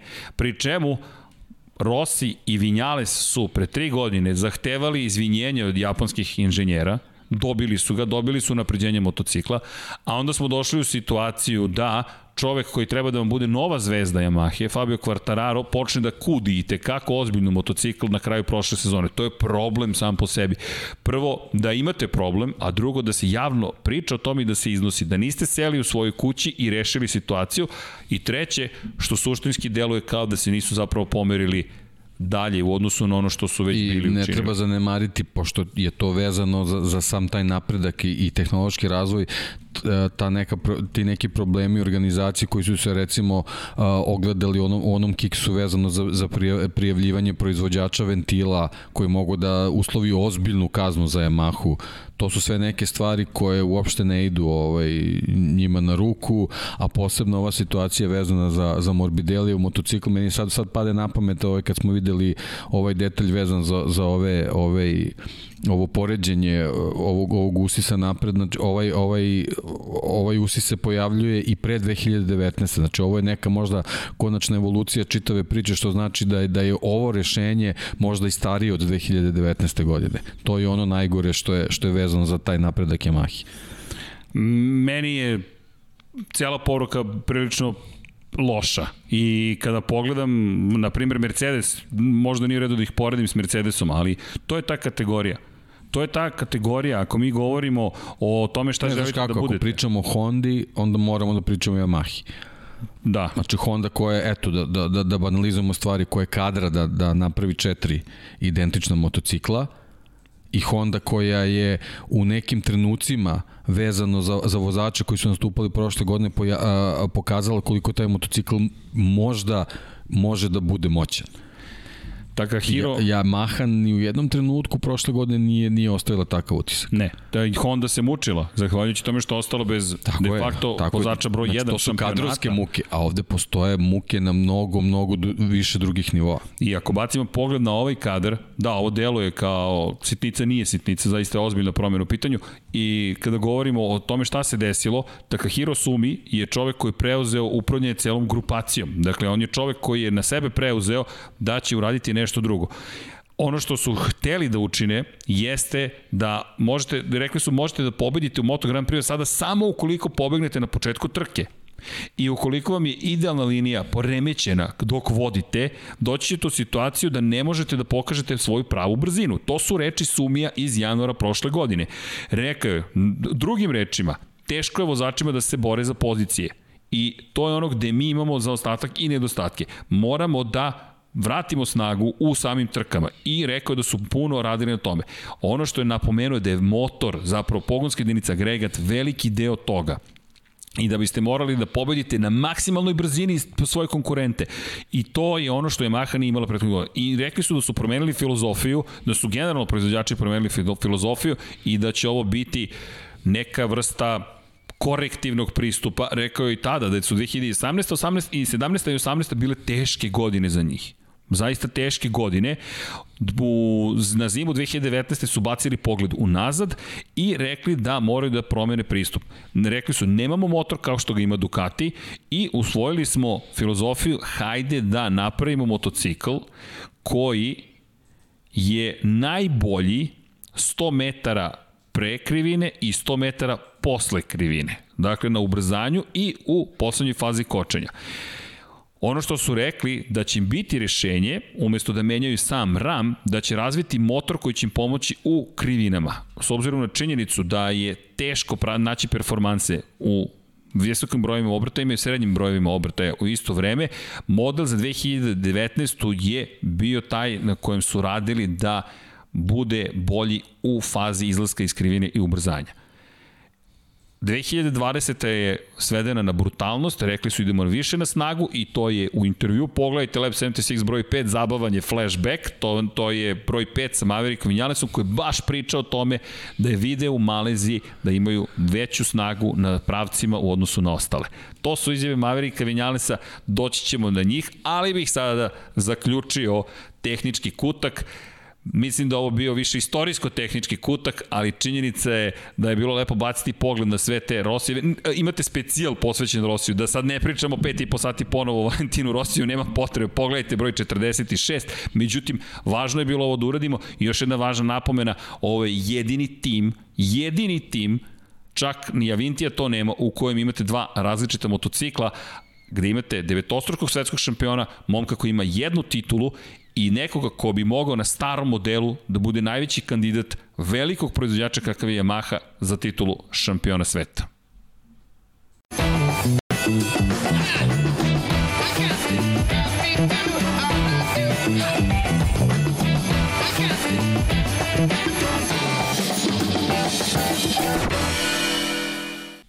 E, kada ovaj gospodin u reklami već izgleda kao James Bond, da napravimo jedan mali intermeco, ljubitelji Moto Grand Prix ne idite nigde, ali moramo ovo da ispoštujemo. Dom Pablo je veliki obožavalac gospodina Sebastijana Fetela i Astona Martina, pa bismo mi bacili pogled.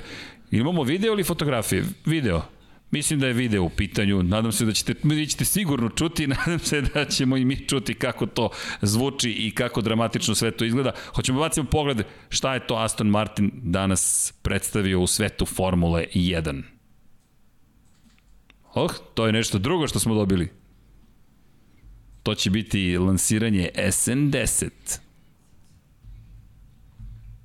nešto muči Dom Pabla, ja mislim da neki problem postoji, ali vratit ćemo se mi na to. Vidjet ćemo Aston Martin, ja se nadam, ali deki... Pa da, dobro, sad su ti dani, mislim, jednostavno dan za dan imamo te prezentacije, A, tako da zato Eto, moramo to da spomenjemo. Evo ga, da, mada da. svi kažu Mercedes u zelenim bojama iz 2020. godine. Pa, ne, ono, generalno može da bude, ali u principu meni su sve te formule, sada ti koncepti su jako, jako slični, tako da ne, ne mora to ništa da znači Imali smo prošle godine taj, taj ovaj Racing Point koji je stvarno bio gotovo identičan kao kao Mercedes iz 2019. Ovo sad ima ima neke sličnosti, ovaj ali videćemo jednostavno ovaj to je praktično prilično slična ekipa, ista ekipa, samo su promenjene boje, tako da nema razloga da ne napuštaju neku svoju koncepciju, posebno u ovoj sezoni, tako da, tako da vidjet ćemo. Ovaj, ono, ono što, je, što je najvažnije je da vidimo e, kako će sad ta neka reorganizacija vezano za ekipu sa novim nazivom, sa, sa tom čitavom pričom Aston Martin i, i čitavim tim zaleđem i, i, i nekom vezom sa, sa Britanijom za koju znamo da je, da je kolevka a, Formula 1, da vidimo kako će to sad sve da se odrazi na ekipu koja će sad i da, i da se gleda ovaj nekim drugim očima. Biće to sad čitava priča će biti mnogo mnogo ovaj ozbiljnija i, i nekako profesionalnija. I sam, sam dolazak Sebastijana Fetela donosi neku novu notu ovaj, u čitavu priču. Sama današnja prezentacija i pompa koja je bila oko nje i, i to potvrđuje ali, ali jednostavno ne znam vidjet ćemo. Znači ne možemo da, da pričamo mnogo na osnovu ovih samo fotografije, već je jako važno da, da, da se vide i performanse ovaj, tih bolida, tako da vidjet ćemo. U svakom slučaju automobil lepo izgleda mnogo ozbiljnije u ovim nekim uh, zelenim bojama, tako da ono, šta znam, znači jednostavno o, vozačka postava je ok, o, o, mnogo, mnogo iskustva je sad pri, prisutno na, na, na obe strane garaže, naravno Sebastian Vettel je ne, neš, neko ko, ko ovaj, je tu već, već dug, dugi niz godina, titule su za njim, pobede, neuspešan boravak u Ferrariju i on je želja nekog dokazivanja i naravno mnogo toga će važiti od samog automobila kakve performanse će, će moći da, da pruži da bi on možda doživeo neku, ne, neku novu renesansu, nešto slično kao Valentino Rossi. E, to sam nije, hteo da te nije, nije baš možda za poređenje, ali jednostavno ovo može da bude ovaj ne, neki dodatni motiv da da da Rossi. da, da da i Vettel ovaj dobije tu tu neku neku novu inspiraciju koja je možda malo malo ovaj potonula u Ferrariju. A ovo su veliki šampioni, pre čemu Rossi poslednja pobeda 2017. Poslednja pobjeda Sebastijana Fetela 2019. Da bacimo pogled, ili imamo video Dom Pablo, ja mislim da smo u Aston Martin videu, opa, to je to. Sve smo ubacili, nemojte ništa da brinete. Nadam se da ćete čuti. Aston Martin Cognizant Formula 1.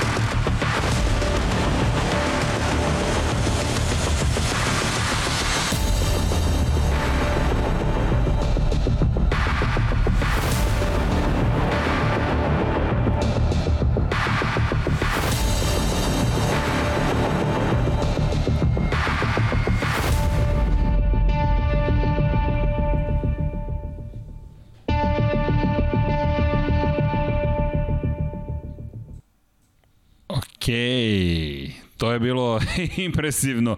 Rečima Novaka Đokovića, not too bad. Da, pa da, stvarno onako impresivno izgledaju tim bojama sve sa to neka, neka neka poruka mnogo ozbiljnija se šalje, ali naravno... Pogledaj sponzora, ovo je, da. ovo je bila reklama jedna tako velika. Je, Ako pogledaš, ono što je meni fascinantno, nekoliko stvari.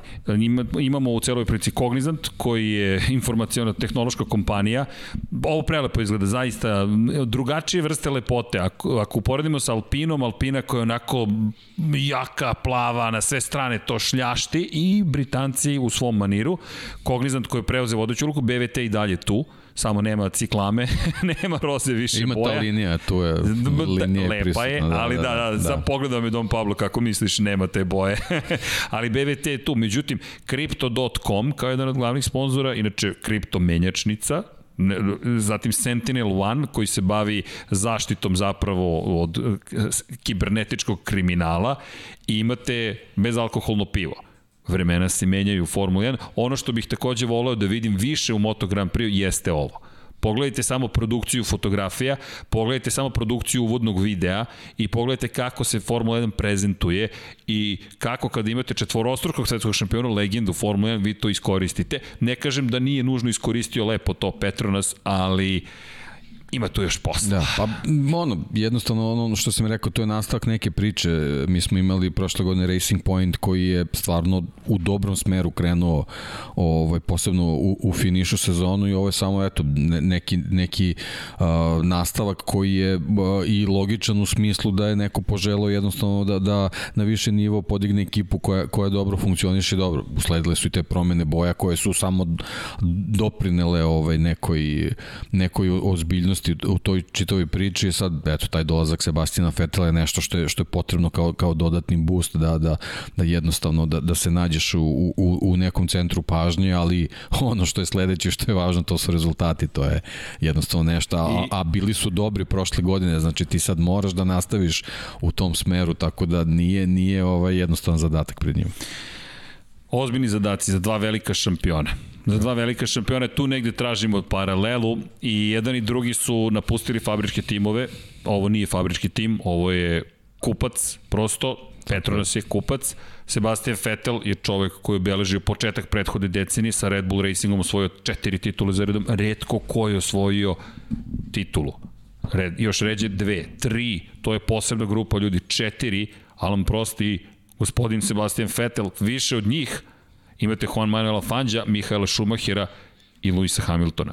Ovaj čovjek je vrlo redak u Formuli 1, možda je to zaboravljeno sada, ali i dalje veoma, veoma Da, s tim što je njemu i dalje potrebno da se dokaže van Red Bulla. Da, To nedostaje. I, i, dalje ga, I dalje ga prati ta, ta neka priča da su ti rezultati u stvari stigli zbog, zbog toga automobila i organizacije u timu i, i ovo i njemu potrebno, kao što je u ostalom bio i taj prelazak u Ferrari, da pokuša da, da, da, da, da pronaće ne, neko, uh, neko utočište da će moći da, da sav svoj talent iskaže, nažalost, eto u Ferrari to, to nije bilo moguće, ovo je sad da kažemo možda i neki poslednji pokušaj da, da, da odbrani svoju reputaciju i da se nađe u, u, u, u zasluženom društvu velikana. Da, inače traži od nas, pretpostavljam na, na koju vest misli Radivojić, Radivojić ako se ne varam, da to je da je BBC je izbacio informaciju Andrew Benson konkretno da Porsche i Volkswagen grupacije razmišljaju o ulazku u Formulu 1 i jeste bombastično mesto, ali da li ste išto drugo očekivali ta kada je Lab 76 uživo i lansiramo svemirske brodove i saopštavamo da je Brivi otišao iz Suzuki-a i evo sada Porsche da će možda duđe da uz činjenicu da je Ferrari ušao u hiperautomobile, baš su velike vesti u pitanju. Ukoliko se to zaista desi, ljudi fantastično, fantastično, koliko god neverovatno zvučalo, moram priznati, ali Benson i BBC nisu baš ljudi koji tako lako saopštavaju tako velike vesti. Tako da držimo palčeve da je to istina. Ono što bi trebalo da se desi jeste nešto što će se desiti posle 2025. godine i ukoliko tako bude, nadam se da ćemo imati i Volkswagen i Porsche, to bi bilo fenomenalno. No, idemo nazad na Moto Grand Prix. Videli smo najnovije prezentacije, ostaje još Aprilija i Suzuki, ljudi ušli smo u mesec marta, manje od četiri nedelje do početka godine. Mi polako li sigurno, polako, više nije ni polako, stvari se ubrzavaju. Mi smo danas imali prezentaciju Aston Martina, sutra Haas prezentuje, preko sutra imamo situaciju u, u kojoj će Williams da se predstavi. Šestog, nemojte zaboraviti, Marta Aprilija će skinuti zavesu nad svojim izazivačem, pa ćemo vidjeti kako će to da izgleda. I 10. Marta Suzuki će predstaviti svoj svoj motocikl, fenomen uzbudljivih nekoliko dana, a Lab 76, broj 76 onog tamo vikenda. U svakom slučaju, baš je zabavno. Meni je zabavno, nekako već je praktično počela, moram, moram ti priznati, sezona, skrenula je sezona, to, to, to. E, inače, pozdrav za Boška, koji je sa nama, srećan rođendan još jednom, juče je bio i Eto, ja se nadam da, da je lepo proslaviti sa nekim čudnim ljudima u čudnom studiju. rođendan sa danom da, samo, samo da se nadovežem na, na ove stvari, ovaj, pridružujem se rođendanskim čestitkama, naravno. A i tebi srećan sa dva dana hvala. Ti, da. hvala, hvala.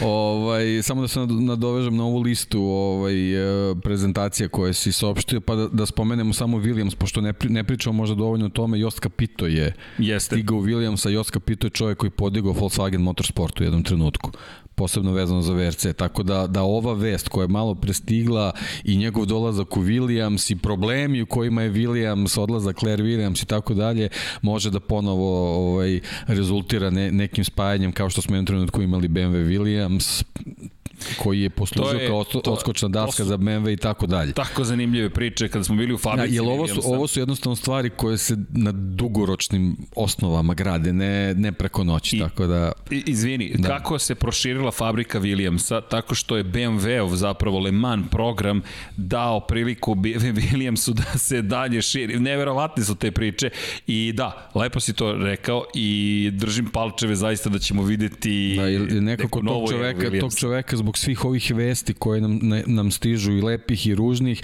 nekako njegov dolazak u Williams je onako prošao prilično nezapaženo, moram, moram tako da kažem, ali Joska Pito je čovjek sa ozbiljnim menadžerskim jest. potencijalom, jest, tako jest, da jest. njegov dolazak u Williams nije slučaj, nije to samo porodica Williams učinili, angažovala ga tu, to su neke druge mnogo ozbiljnije i mnogo moćnije strukture trebale da učine. Tako da... Dobro, Claire više nije mogla da dobije je, tu to je, Da, to je, to je bilo očigledno. Tako bolest da, Franka Williamsa, godine Franka Williamsa, odlazak Patrika Heda, nemoj zaboraviti, to su i dalje ljudi, tako ali je. to su ljudi koji su ne, odakle dolazi njihova moć. To je prosto neki autoritet koji im zrače, fokusiranost, usredsređenost, pa i požrtvovanost, spremnost da rade dan, noć, dan, noć, glavom kroz idu koliko treba da se izbore za nešto. To je čista ludost praktično. To je, imam Jeste. neku viziju i ja ću da guram, pa planinu ću da pomerim. Jeste, ali, ali njihovi uspesi su vezani za neka druga vremena, Jeste. kad je sve bilo mnogo, mnogo lakše, drugačije i svi trebaju nekako da, da, da krenu i, i primjerom Rona Denisa koji u nekom ali, trenutku to, ali, upr, ali govorimo o nečem drugom. Priču, da. Pričaš o metodu, ja pričamo jest, po o jest. ideji. Claire to da, je to više da. delovala kao da ide da. na posao. Jest. To nije posao. Jest. To u dva ujutru ideš na tajne Tako sastanke, u tri ujutru zoveš, u Tako četiri je. ujutru se svađaš, u pet ujutru se budiš jer ne možeš da spavaš jer te neko iznervirao ili si propustio priliku da potpišeš ugovor. U sedam ujutru imaš novog sponzora, u devet ujutru si na privatnom Isi letu. To spomenuo ne. Ferrari u nekom trenutku Da, Ferrari, da, da, da, da, ovde je primetno Možda Ferrari. tako nešto da, pričamo, da, da, da. da, da. Ok, idemo nazad na Moto Grand Prix. Uh, imamo, naravno, i uvek otvaramo priliku za, za pitanje i odgovore. Inače, Čekat ćemo, naravno. Inače, za Kawasaki neće se, nažalost, vraćati, ali... Da, spomenuli su mnogo puta. Da, držimo palčeve, navijamo za tako nešto, no to neće se... Pa dobro, to su neki ciklusi koji se, Tako koji je. se javljaju, ali jednostavno Moto Grand Prix sad otišao mnogo daleko, to je prilično skupo, a, a Kawasaki ima jako dobru promociju trenutno vezano za Superbike program, tako da u, u nekoj skoroj budućnosti nema razloga da ulažu mnogo više nego što sad to rade. Ove, ovaj, rezultati su sad vrlo, vrlo dobri, tako da teško. Teško, da. U svakom slučaju, otvoreni smo za pitanja, tako da udrite, dajte neka zanimljiva, zabavna pitanja da potvaramo neke, neke dobre, nadam se, teme. Gledam šta se sve sprema I inače Moto Grand Prix 21 igrica, to smo već rekli da napomenemo, isto uskoro izlazi PlayStation 5, jurimo i dalje u pokušaju da, da vidimo uopšte da ga testiramo za početak, pa da vidimo kako to funkcioniše. Ovde neki prevrći očima, ja, zamisli da dođemo, dobijemo PlayStation 5 za naredni vikend. I ja, pa to bi bilo fenomenalno. E, ako imate neke veze za nabavku, kupit ćemo, nije, nije sporno, nego za, da doćemo do samo do mogućnosti da dobijemo PlayStation 5, javite se. I da, znaš koju temu nisam spomenuo, onu koju ne neću spomenuti, ali još jedan dan je ostao do stizanja majica.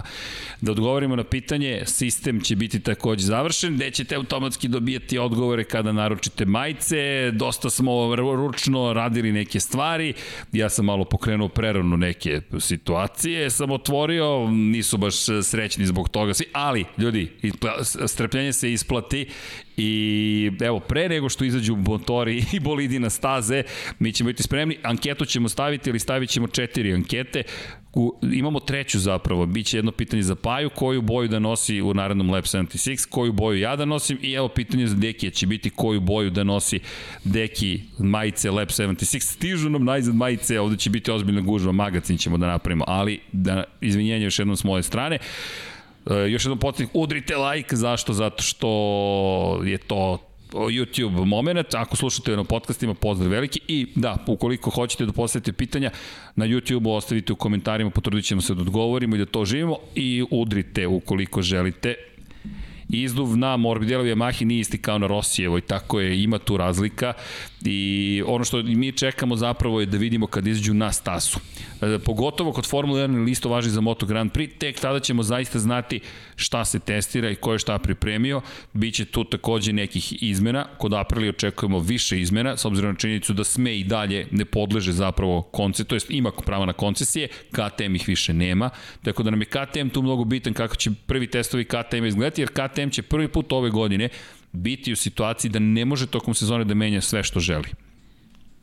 Tako da je to interesantan, interesantan moment. Da li neko zna da li će F1 21 igrici biti Portimao i Mugello? Moram priznati da ne znam. Nadamo se, nadamo se da, da bilo bi lepo, da da malo, da. malo dobijemo neke drugačije konfiguracije. Pitanje, da li ste za smenu Lina Jarvisa? Pa, da li smo, mislim, nije to pitanje za nas, to je jednostavno, management Yamahe treba, treba da razmišlja o tome i oni jednostavno znaju kakvi su zadaci dati pred management i koliko, u kojoj meri, u kom procentu su ih ostvarili, tako da mi možemo samo gledamo s nekog, iz nekog navijačkog ugla i koliko nam odgovara to, to izdanje Yamaha ili, ili ne odgovara, oni u stvari znaju šta su tražili od čitavog tima i šta se da. traži dalje, tako da to je, i on, i on ima nekoga kome mora da odgovara za svoje postupke i oni jednostavno znaju u kom, kom obimu je nešto urađeno ili nije. Imamo par pitanja. Koji, kada je poletanje? Pita Radivojević. Radivojević, kakva je situacija? Pa, Imamo... odbrojavanje trenutno stoji na, na 33 minuta, ali bar ovako što ja, što ja vidim iz ovih snimaka, slabo se Biće tu nešto događa. Da da mislim da se Trčit trenutno mislim da se trenutno vrši ovaj dopuna goriva ali stvarno ne možemo da znamo koliko to traje i kakve su kakve to se redi to će brzo biti završeno da. da, da, onda da, neće biti da. po procedurama. Da. ali ne slučajno je filter ispao iz creva da. 94. koji vam je plan za rekordni podcast? Šta ćemo im sve imati priliku da vidimo? Ipak je 37 sati dugačak vremenski period. Pa ovako ideja nam je sledeća. Čekamo potvrde imamo nekoliko potvrda. Krenućemo krenemo ujutro i do narednog dana uveče. Ideja nam je da pričamo pre, prevashodno automotosportu, međutim, s obzirom na činjenicu da je 37 sati dosta dugačko, čekajte da sklonimo ovaj kosmički boršč, da ješćemo, verovatno borš ćemo da jedemo. Kosmički hvala još jednom Ivanu Miriću Bureku na poklonu, ovo je za studiju na kraju univerzuma.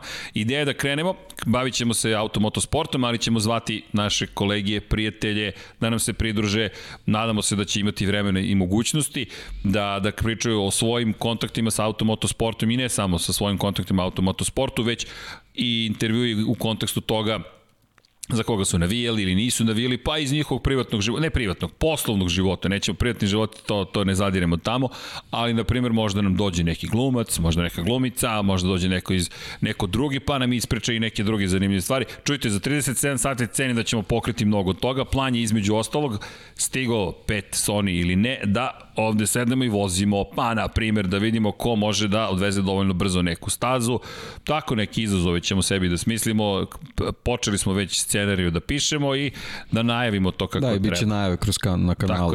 Kroz, kroz neke kratke klipove, pa možete da Tako. da pratite da vidimo Pa ako, Šta ćemo sve uspeti tako da uradimo, je, da. ko zna, vi budite tu sa nama, postavljajte pitanja, nadamo se da će biti zabavno, nadamo se da će stream izdržati 37 sati, moramo da nabavimo ups inače za računar za svaki slučaj, a da ne nestane struje, pa nadamo se će YouTube da nas neće banovati u nekom trenutku, da kaže ovi su zaboravili da ugase stream, ko zna šta nas čeka, čujte, u svakom slučaju mi ćemo se lepo zabaviti, ako ništa drugo.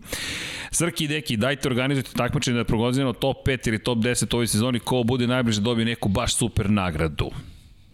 ok, nešto ćemo da smislimo, opa, pao je kabel, to je sve ok. Imaćemo 37 sati. Imaćemo da, da razmislimo o tome. Šta sledi za Apriliju posle smrti Gresinija? To je baš teško pitanje. Pa dobro, to nije isti pojam. Aprili da. i Gresini, Aprili ima neki svoj put sad. Da. Saznaćemo možda sutra ovaj, Pa, kakva su razmišljanja? Ja, ja, ono što moramo da napomenemo, Aprilija je već najavila svoj nezavis, svoj pravi tim fabrički za 2022. Fausto Gresini je bio šef nezavisne ekipe. I malo pre smo pričali o Franku Williamsu, sir Franku Williamsu koji je osnovao Williams Racing. Gresini je osnovao Gresini Racing. To nije fabrička ekipa. Gde je ogromna razlika?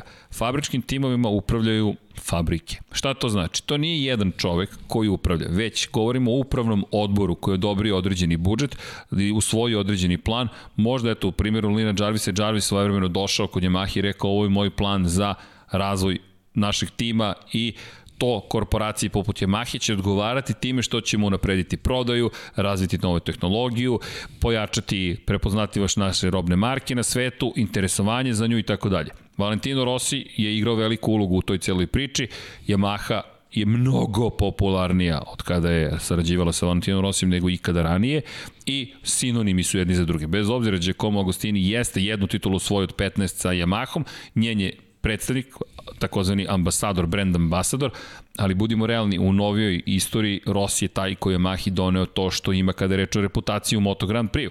E sad uzmite u obzir Gresinija. Gresini nema klasičan upravni odbor. To je jedan čovek koji je imao viziju, ideju i rekao ja ću da nađem sponzore, na silu u krajnjem slučaju ću da uradim neke stvari, ali on ne odgovara nikom drugom. On nije smenjiva ličnost. Vrlo je teško smenjiva i od te osobe zavisi ceo tim. Kod fabrike, da li će Massimo Rivola biti izvršni direktor ili ne, jeste važno, ali ne za opstanak celog tima.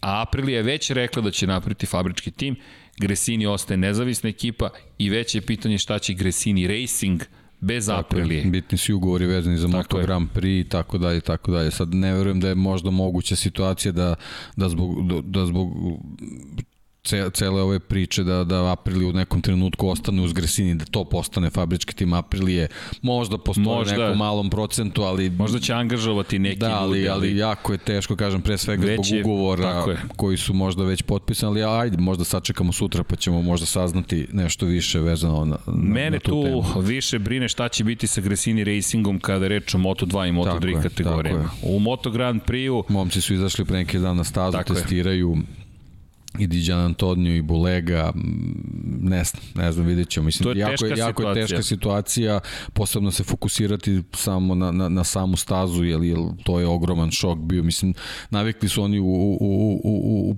Navikli su da je taj čovek tu. Da, i u, a u protekom periodu ga nije bilo tokom ove čitave pripreme, ali jednostavno kad neko ode fizički, to je, to je baš ovaj veliki šok i pravo je pitanje kako će posebno Moto2 i Moto3 ekipa da ostane. Znaš da se neće vratiti, to je da, poseban da, problem, ti znaš da. da tog čoveka više nema. I kad pomisliš na njega, ne može da te, makar na trenutak ne obuzme neka tuga. I kada prevaziđeš tugu, nemaš koga da pitaš. Kresini je dočekivao svoje, svoje vozače, dočekivao Park Fermeo, u garaži sa njima u, i, i, i patio i slavio i ne samo to, on je taj koji je znao da privuče sponzore, da privuče tehničare, inženjere. Svi ti ljudi koji rade u Gresini Racingu su nepoznati ljudi. Koliko god to zvučalo, pa dobro, sposobni su ta zvezdana moć koju posjeduju određeni pojedinci, to je lider, klasičan To je ono kao što smo pričali podcastima unazad, te neke 90 iz Formula 1, to je sad Tako u Moto Grand Prix, ti, ti neke, te neke vođe ekipe, to što si malo prespomenuo, koji su 24 sata u ste timove, taj Ron Dennis, Frank Williams, ranije Bernie Eccleston dok je bio u Brebemu, to su jednostavno ljudi. Pa i ko, Formula 1 je tako vodio. Tako je, tako je, to Nije su jednostavno posao. ljudi koji su, gde, gde je organizacija čitavog, čitavog šampionata to omogućava u tom trenutku trenutku i to je sad ono što je potrebno Moto Grand Prix. Ne ljudi koji dolaze na tako posao je. od 9 od, do 5. I kažu, ja sam dobio platu, je, moj bonus, je. KPI sam čuveni, Key Performance Indicator sam ispunio i to je to. Ne, ne, ovde to nema KPI. To je ide odgovora vezano za Lina Jarvis. Da, Eto, da, tako je. Sad smo nekako možda i to dotakli. E, da napomenemo dve stvari. Moto Grand Prix tim Fausta Gresinija, neko će ga kupiti. Neko će kupiti te dve, ta dva upražnjena mesta. Ovako ili onako neko će doći i reći ja kupujem svoje mesto u premijernoj klasi. To se redko otvori. Na tužan način će se ovde verovatno otvoriti, možda čak i samim sponsorima ekipe. To je, to je život ide dalje. Ono čuveno Pantarej, vrti se i dalje.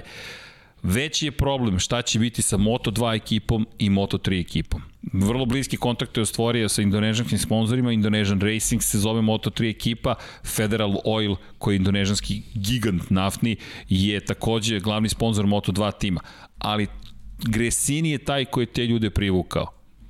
Ko će sada Tako da zadrži te, te sponzore u tim timovima? To je ono što nas brine i ko će sutra da da novu priliku tim momcima. Tako, evo neko je u četu spomenuo i, i hvala na, na podsjećanju. Adrian Campos je isto preminuo, Jeste. čovek koji je držao Jeste. ekipe u nižim kategorijama Formula, gde su mnogi dobri vozači dobili dobru odskočnu tasku da zadalje, eto i njegovim odlaskom i, i ta čitava priča u nižim kategorijama izgubila puno, tako da to, to su jednostavno ti neki odlasci da je jako teško popuniti te, ne, te neke rupe, ali jednostavno ti ljudi su bili veliki deo tih timova koje su vodili, tako da to je, to je ono što je, što je ne, nezgodno i nepoznanice u tim trenucima kada oni fizički odu. Da, i da napomenemo nešto što, što stalno dobijamo kao pitanje, pa da smo dobili pitanje i za AB Racing, HB Racing, izvinjavam se, ekipu iz Slovenije. Nismo baš 100% sigurni, Nismo 100% sigurni, ali Ivan je bio vredan, Toškov, i negde je uspeo da, da nađe neke informacije, mi se iskreno nadamo da, da, je, da, da, da ćemo biti precizni, ali ono što smo dobili kao neku, neku uslovno informaciju, trebalo bi da bude Petar Verbić u pitanju, tako deluje, ali na osnovnih fotografije slabo, sledeći put ćemo i da ubacimo tu fotografiju da vidimo zaista da li smo u pravu ili ne. Impresivan jedan tim gde imate i prikolice, gde imate i klasične motocikle i zaista neko drugo vreme. U svakom slučaju, vidjet ćemo da, da, vidjet ćemo da li, pogotovo te prikolice se nekako vrate u ta neka vremena od pre 25-30 godina, ali eto, nadam se da smo dali e, neku vrstu odgovora.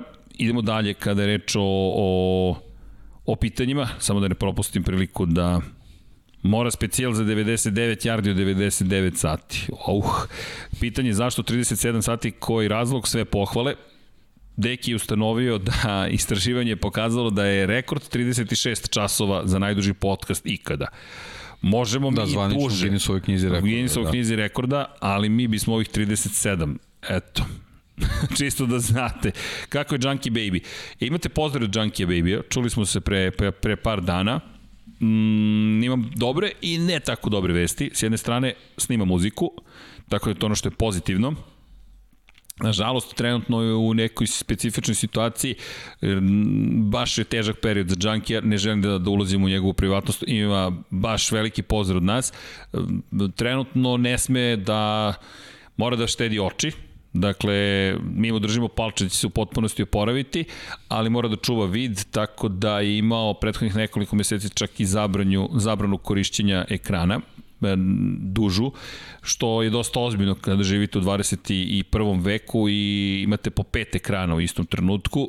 Dalje ne bih išao, smatram da treba čovjek da čuva svoju privatnost, ali e, držimo mu palče će biti spreman za novu sezonu, pre svega, i Lab 76 ga čeka, ali nek se on spremi za početak nove sezone kada reč o Moto Grand Prix. Kada kažem spremi, negdje me to potiče na Markeza 2011. na, na, na 12. kada nije smeo da, da gleda praktično tri meseca, ali se oporavio, pa eto držimo Junkie Baby takođe palčeve, nije baš da ima 20 ili 18 godina, ali okej. Okay. Čujte, i, i mi imamo taj zamor materijala, nekako pojavljuju se to neke neke bore i td. i td. Ali nije pitanje bora, to nas ne interesuje, nego je bitno da, da bude zdrav. Tako da eto, imate pozdrav, ono što je pozitivno sme da snima muziku. Mikrofon je tu, tako da je to pozitivno i možete ga čuti. Nadam se da ćemo makar da ga čujemo. U svakom slučaju, tu je.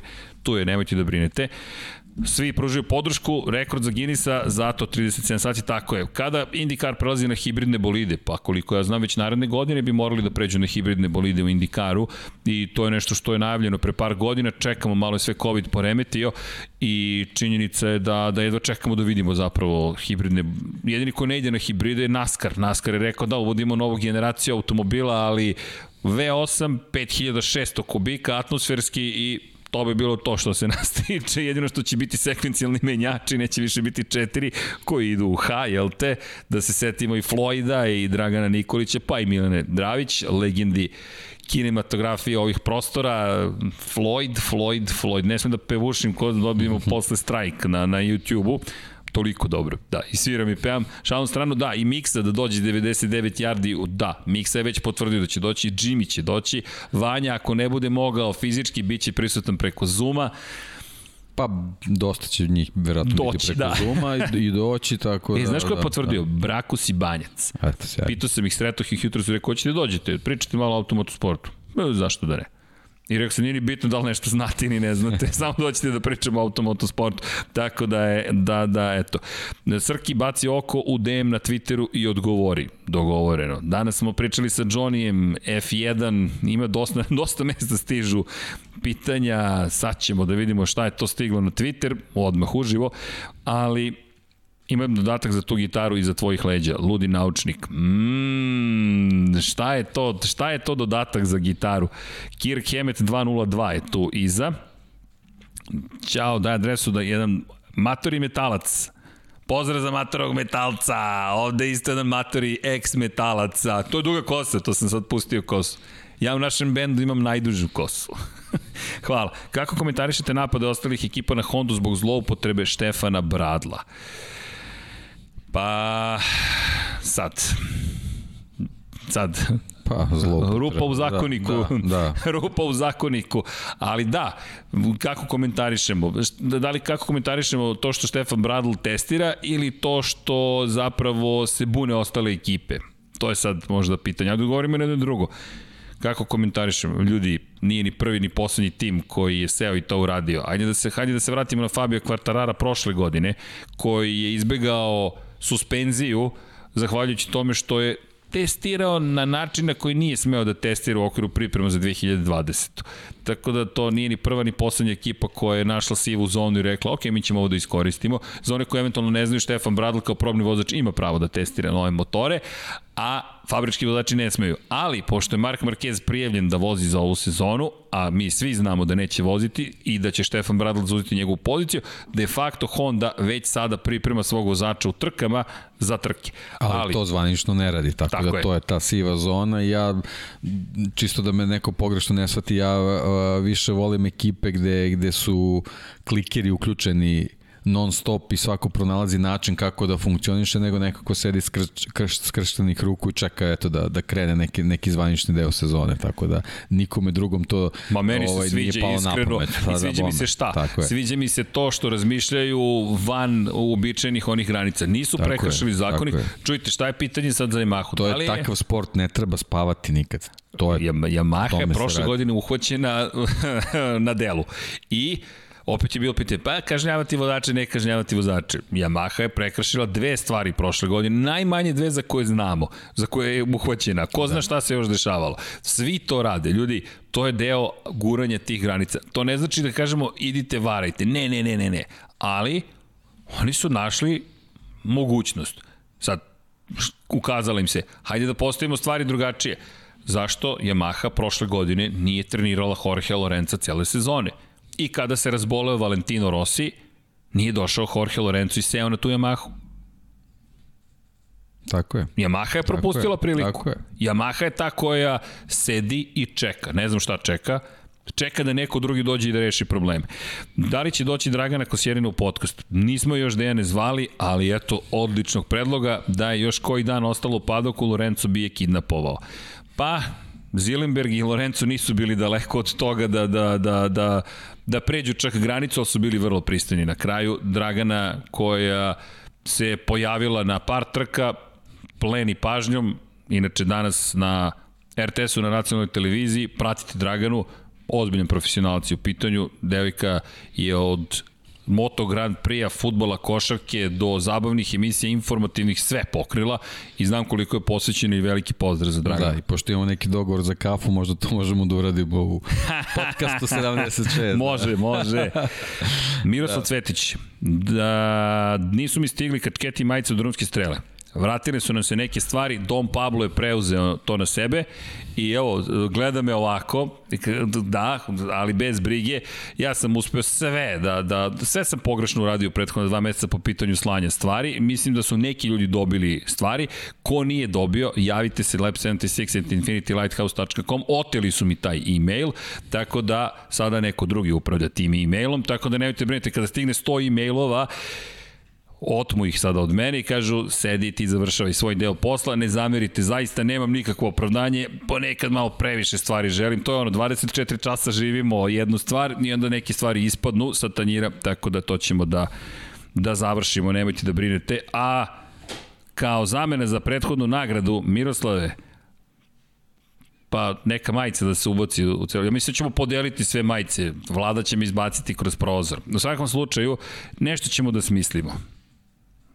Tako da bez brige. Srki, ne pratim toliko MotoGP, pa me zanima, postoji li simulatori za MotoGP vozače? Valentine, ne. Ne postoje klasični, e, simulator se zove motocross. To je najbliže simulatoru, tu je Mark Marquez napravio ogroman iskorak. To, zapravo geneza cele priče o Rosijevom ranču, o Markezovoj vožnji motokrosa je u, možemo reći, prašini američkih trkačkih staza. Kenny Roberts Ko ne zna za Kenija Robertsa, e, njemu treba da posvetimo specijal. 1978. 79. 80. titula, titula, titula. Debitanska sezona, druga godina takmičenja, treća godina takmičenja. Čak, čak kada govorimo o, o Marku Markezu, Markez to nije uspeo. 2013. 14. je svoju titulu, 15. je svoju Jorge Lorenzo, jedini koji je tako nešto uradio u istoriji modernog motociklizma je Kenny Roberts. Kenny Roberts je inspirisao Valentina Rosija da napravi svoj ranč, Kenny Roberts nije imao ideju da napravi, da odvoji jedan deo Italije i da napravi od toga što ranč, što trkačku stazu, što jedno mondensko mesto, praktično ne. Kenny Roberts je našao prljavštinu u kojoj želi da vozi i zove se ranč, jer to jeste kaubojski ranč. Samo što umesto konja čovek vozi motore.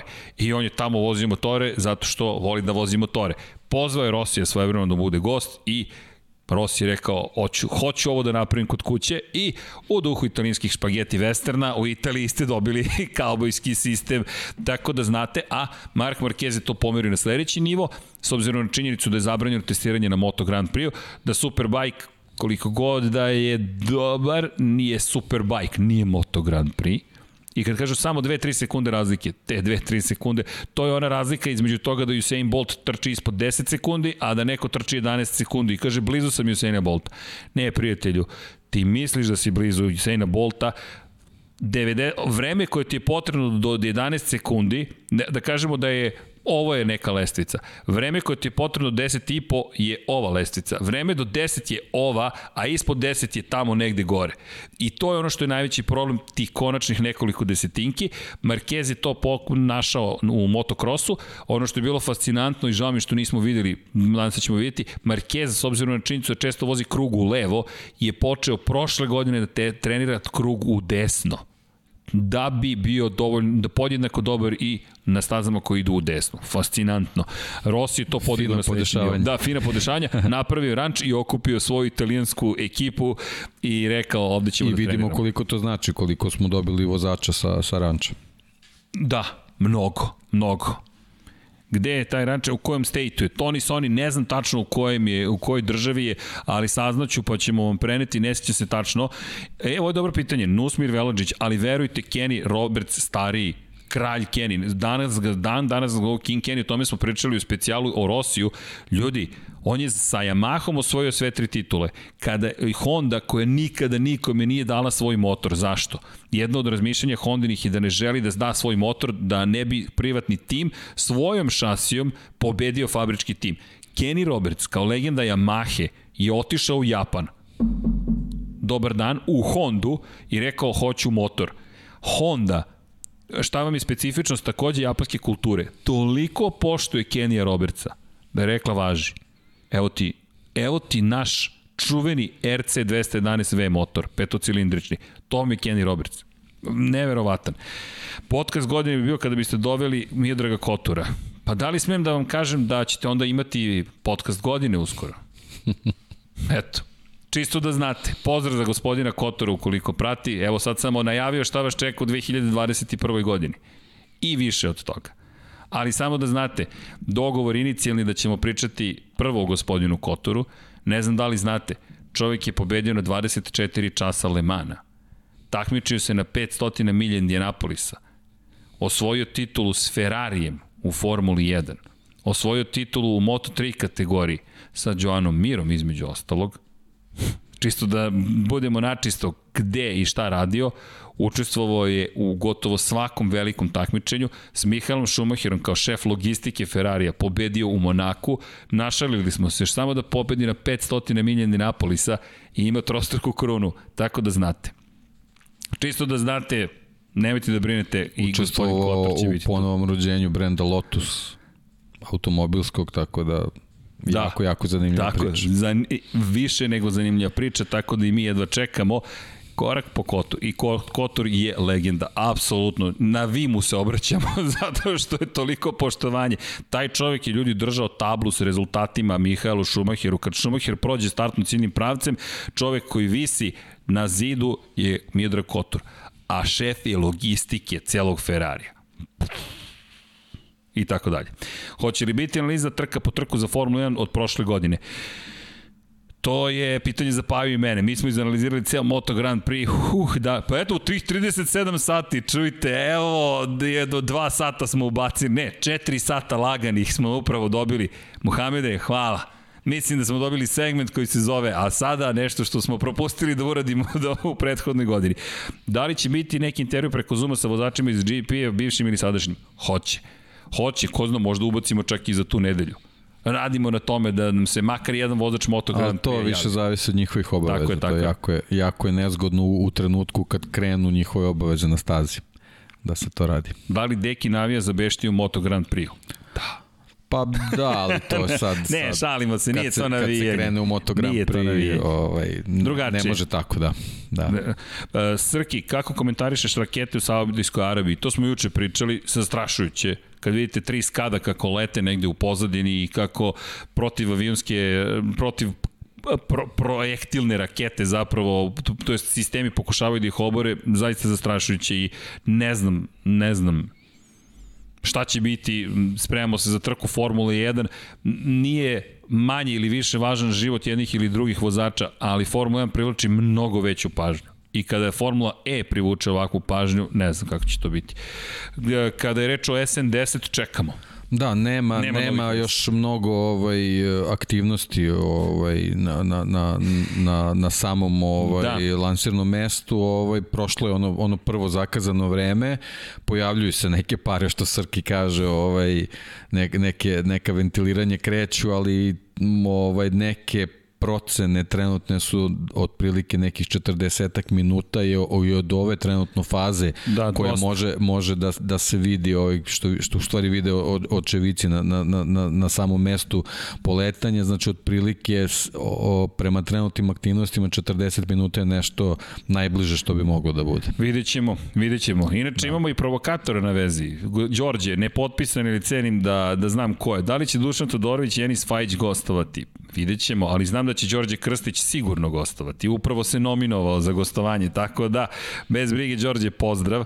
Mišljenje u novom Mastan Martinu F1 bolidu, pa malo pričali smo malo pa, pre da. o tome, prelep je, Delo je da će biti vrlo konkurentan, Racing Point je zabeležio pobedu prošle godine, to je Aston Martin, bliska saradnja sa Mercedesom. Pa da, pogonske jedinice u stvari Tako, tako je, koje daje njima za pravo da se naduje, sad sve ostale su stvari organizacije, to tako moramo je. da vidimo kako će ove godine da funkcioniše. Tako je.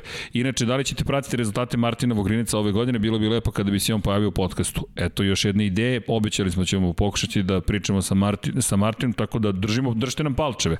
Dakle, Tony Sony bacio se na posao i našao da je ranč u Kaliforniji, na prodaji je 2,8 miliona dolara i eto, kao što smo rekli, imate imate, eto, samo 2,8 miliona dolara i legendu, legendarnu i ranče ste kupili. Koje su šanse da dovedete Aleksandra Babića sa Eurosporta, Otrič bio sad, zašto da ne? To smo jedno spomenuli već. Moram da zovem Macu Babić, dugo se nismo čuli. Jedno 10 godina, ja mislim. Da, dobra ideja. Da, on prati stvarno. Da, baš ozbiljno baš prati. pomno sve sportove vezane za, za pre svega automobilizam. Da, pitanje je kako izgleda komentatorski dan. Pa vidjet ćete sledećeg vikenda. Šalu na stranu, kako izgleda komentatorski dan? Koliko si najduže bio u studiju kad smo već kod toga?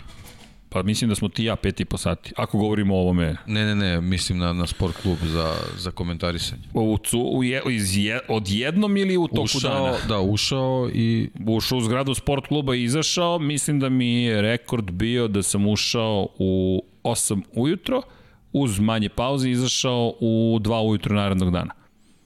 Imali smo MotoGP, jutarnje zagrevanje, mislim da su bile tri kategorije, ne četiri, to je 8 i 40, u 8.35 počinjali, moraš malo do ranije da dođeš, 8.35, Moto trojke, odmah Moto dvojke, Moto Grand Prix, pa onda pauza od nekih 55-50 minuta, tu pojedem nešto i popijem kafu, pa trka kreće u 11 časova Moto trojki, pa odmah Moto dvojke, pa odmah Moto Grand Prix, završimo oko 15, 15 i 5, 15 i 10, zavisi koliko traje slavlje, koji su kadrovi, šta se događa, da li neka utakmica dolazi posle toga. Mislim da je u 15 časova i 10 minuta počela Formula 1, tako da smo prenos završili negde oko 5. U 7 je bila prva utakmica NFL-a, završili smo u 10 i 10 ili 15, u 10 i 25 je počela druga utakmica NFL-a i završila se, ja mislim, u 1 i 40. Znam da, sam, znam da se sećam da, da da, da mi već nije bilo dobro u toj drugoj utakmici. Ali ne, tu, tu stvarno koncentracija, nije, više nemaš koncentraciju, nisam imao koncentraciju, žule mi izvukao. Jednu trenutku sam ovako gledao u monitor, baš se, baš se sećam da, da mi on rekao, Burazi si dobro. ja, ja, ja ovako sedim i on ne, ne, bit će okej, okay, bit će okej. Okay. I onda smo se dogovorili malo da, da uštedim energije negde u trećoj četvrtini da, bih, da bismo u četvrtoj mogli da zajedno normalno funkcionišemo. To je, tak, to, to je taj najduži dan koji ja pamtim, ali bilo je nekih kada počnemo u jedan ujutru u Australiji, pa se to nastavi, ali nikad nije bio takav tempo da se baš sve nastavilo. Znam da sam prokomentarisao još u studiju da sam, ili, ili sam možda čak i u studiju ušao posle Formule 1. Da, mislim da sam ušao čak i u studiju posle Formule 1.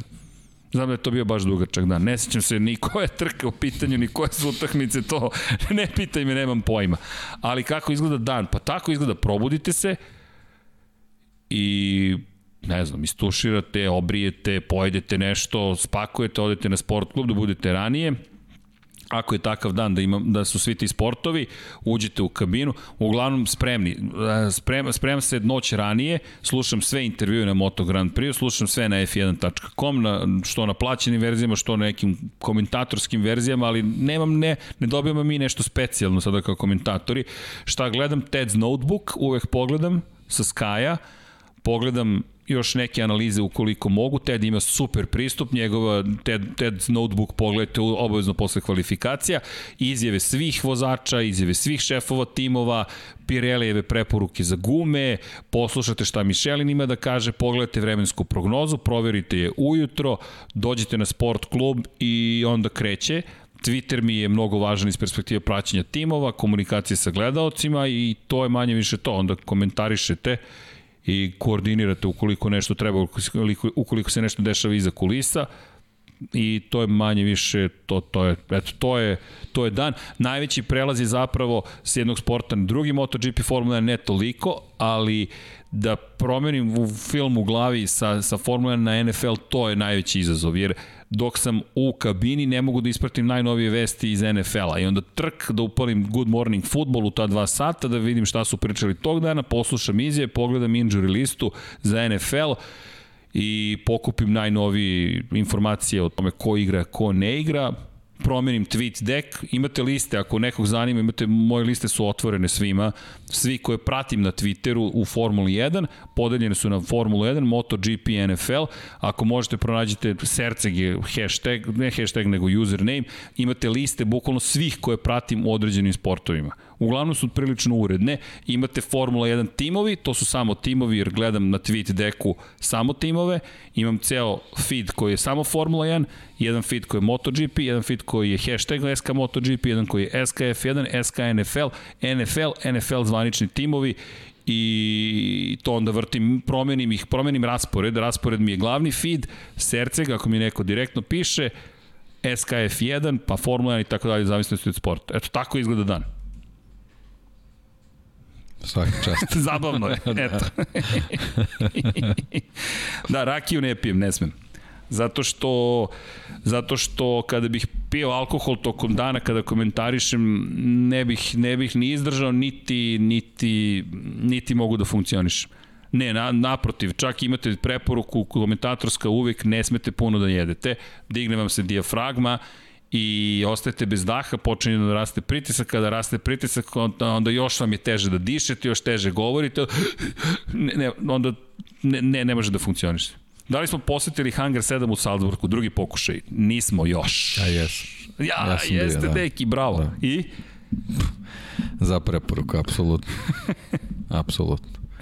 Svaka, svaka čast, da. zaista. To, to se za to pozitivno ljubav. Fenomenalno, stvarno, stvarno. Sjajno. Da li će biti bloopersa iz 2020 oko Infinity Studio i svega iza cene i smešne stvari? Što kaže Miksa, sve to vidite u kamerama. Dovoljno je smešno. Evo, Boško čovjek se smeje od kada je ušao. Ja se nadam da uživaš, Boško. Da. Kako je bilo kada su otkazali Australiju prošle godine? Uf, baš grozno. Baš grozno. Grozno. Za, da, loš je bio osjećaj. Moram priznati da je osjećaj bio baš poražavajući, ne iz perspektive otkazivanja trke, već zabrinutosti šta sada. Ljudi, COVID-19 je tada počeo, mi i dalje pričamo o tome. I dalje utiče na nas. Tako da oseti se, osetio se trenutak da se desilo nešto istorijski loše. Baš loše. Kao da je zlo nečulo, svetski rat počeo. Bukvalno taj osjećaj smo imali. Da, to je baš bilo loše. Pitanje, gde i kako mogu doći da vas upoznam uživo? Pozdrav iz Brisela. Senade, uglavnom smo u Beogradu, tu su nam studiji što na kraju univerzuma, što sport kluba, kafu pijemo, da, evo, da ih ne reklame, aj dobro, drugari su u kafografu, uglavnom to je blizu studije, pa se spustimo do, do 29. novembra i tu, tu, tu, tu, tu, tu obično možete da nas sretnete, to je kafić lokalni, pozdrav za Ivana i Radu i tamo volimo popijemo kafu, tamo svi motociklisti kada prođu, zna se gde se stane, tu se kupuje kafa, eto.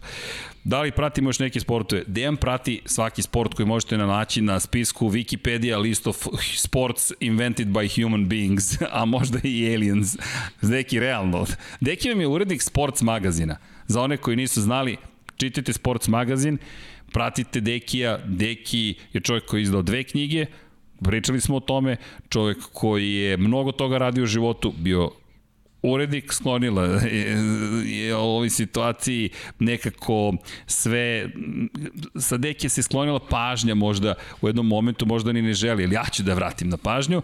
Da, na Dekija zašto? Zato što Deki zaista neko ko je u redovima novinara kultna ličnost, ali prosto nije te ekstrovertne prirode i onda ću ja da pričam o njemu, čovjek koji je bio urednik sportske rubrike novosti, je li tako? Bio si urednik Autobilda, je li tako? Bio si urednik auto moto sprinta, top speeda, e, auto moto sprint koji je tvoj časopis, bukvalno čovjek izmislio časopis gde je polovina auto, onda okrenete naopački, druga polovina je moto, svoje pari uložio u sve to, čovjek koji kao i svi koji su pravili timove u Formula 1 i sam pravio svoje timove Formula 1, a ja ga obožavam, prijatelji smo i, i najzad radimo zajedno, iako to nije plan, nego Deki ćeš da pričamo o MotoGP-u, tako da Dekija zapratite na svim društvenim mrežama i podržite ga u njegovom radu, nema to veze sa studijom na kraju vezama direktno, ali verujte, ovaj čovjek zaslužuje ogromnu podršku, ako je neko popularizovao sport i trudi se da ga popularizuje na kulturan način, to je Deki Potkonjak. Tako da znate. Koja sva Gibraltar Open u snukiru? Kakav trik. A, trik, trik, da. trik. Pitanje je da li je tu Boško iz Četa. Jeste, tu je Boško iz Četa, ne četuje, tu je rođendan mu juče bio. Hoće li nekada gostovati Dom Pablo? Nažalost, ne. Deki je Casey Stoner Infinity Lighthouse. Ah, hvala. Jeste, jeste. Zaista. Malo nezahvalno pitanje za, za, za deke, da li se gledao film Space Jam? Šta čekaš od drugog pa, dela? Pa, da, pa ne, ne znam šta bih mogao. Da. Sad, sad već te tehnologije ovaj, filmske odlaze neke, neke druge smerove, pa bih volao tu da vidim neke, neke inovacije, nešto, ali ne znam ko bi tu mogu i da igra, pravo ti kažem, ne znam. Da, da li će biti dodatno štampanje knjiga? Deki, samo ću ti reći, Pa razgovarali smo o tome, da, da. Trebamo, trebamo ovaj da, da, Da. vidimo, ali ovaj, možda Srđan više zna od mene. Hoćemo, ali neću vam dati datum jer će me izbaciti iz, iz studija, trajno će me eliminisati. Da, velika podrška za deke. Kako stoji pravilnik za F1, može li Ferrari testirati motore iz sezone 2019, 20, 21 u bolidu iz 2019, ne stazimo u djelo pitanje za dekija.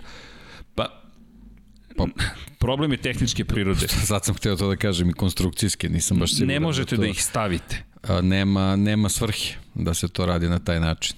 Da, ne, ne, ne, ne možete prosto da, da, da, e, evo samo jedna stvar, tačke kačenja motora na monokoku se menjaju iz godine u godinu. Samo tu stvar kada promenite, vi više ne postoji taj bolid Formula 1.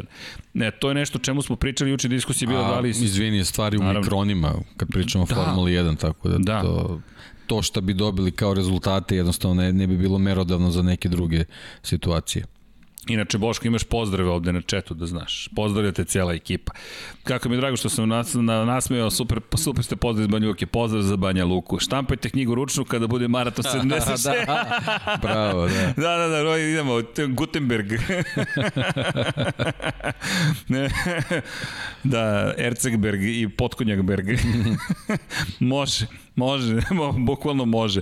Boki da donese opravdanje zašto ga nema u četu, nije to to. Tako da znaš, hoće li biti prenosa testiranja? Ero, neće biti prenosa testiranja koliko mi znamo, ukoliko nešto uspemo da izdejstvujemo na nivou toga da mi prokomentarišemo eventualno, ali bez prikazivanja nemamo prava, prosto tako ćemo da se organizujemo. Kada će sklapanje Saturna, Vuk?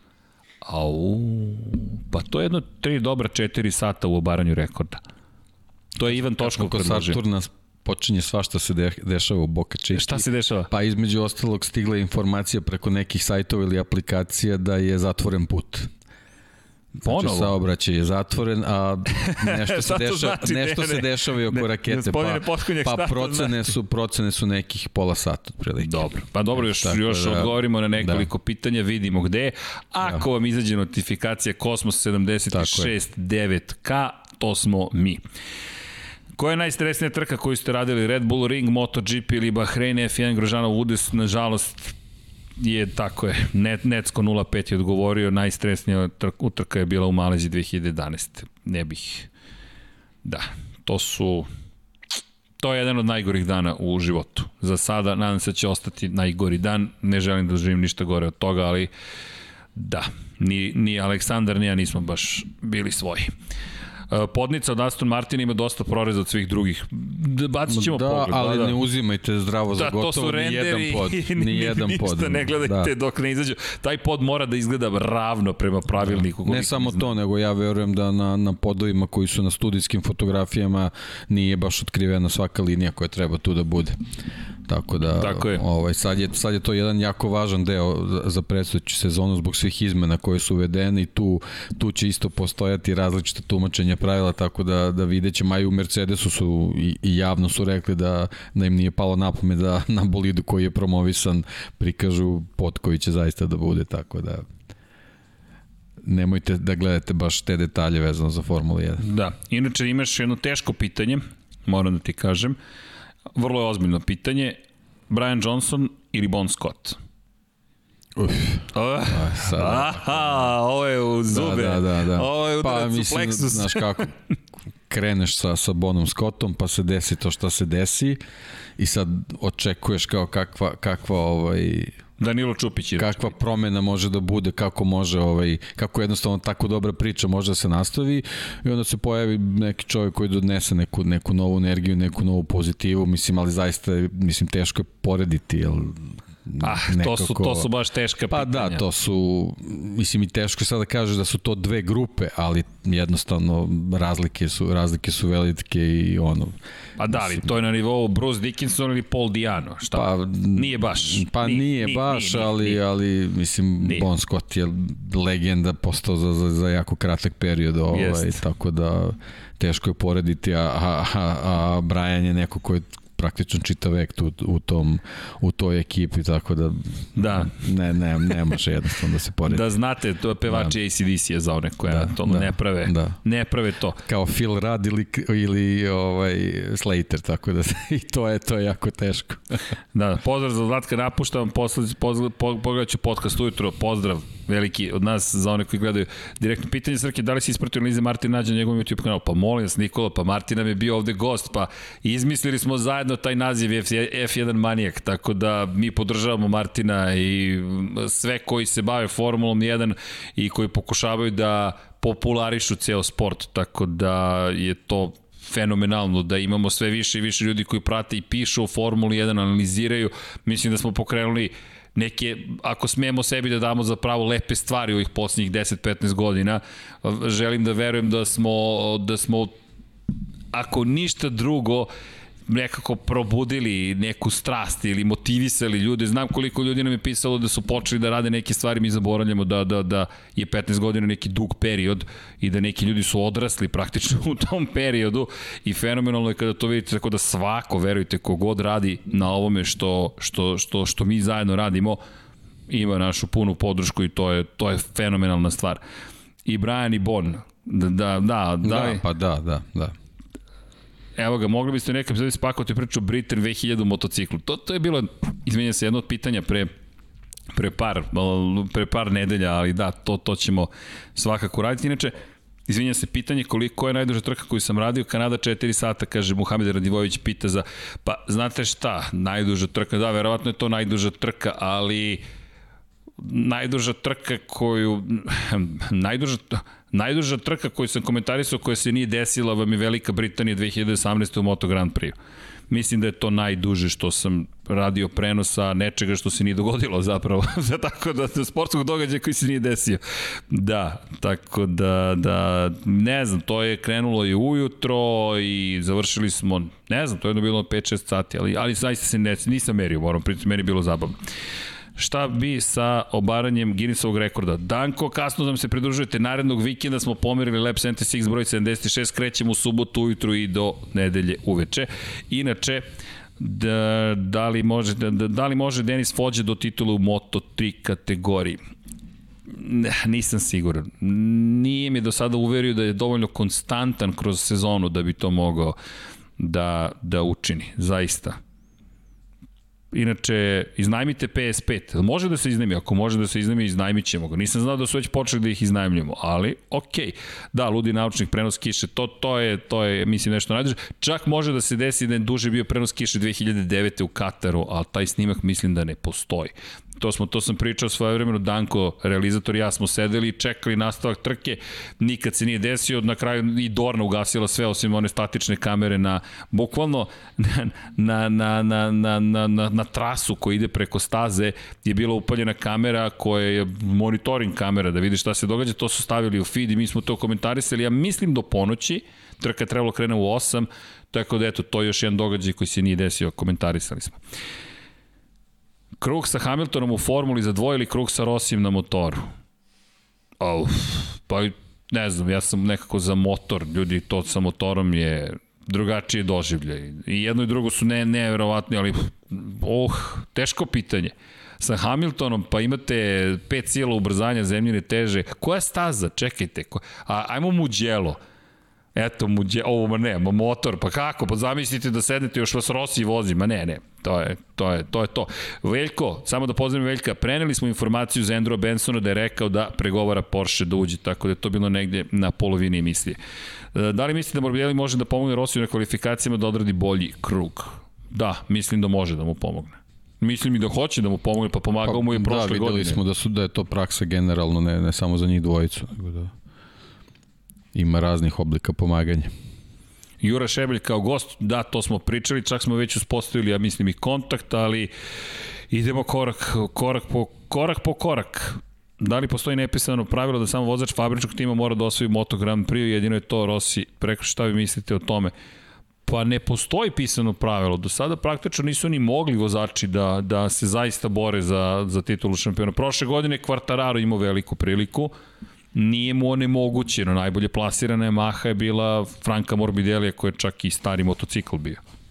čisto da čisto da znate dobra podloga za učenje Formula 1 i MotoGP-a Lab 76 hvala hvala Veljko, motor Katar 2015. ili Asen 2017. Hmm.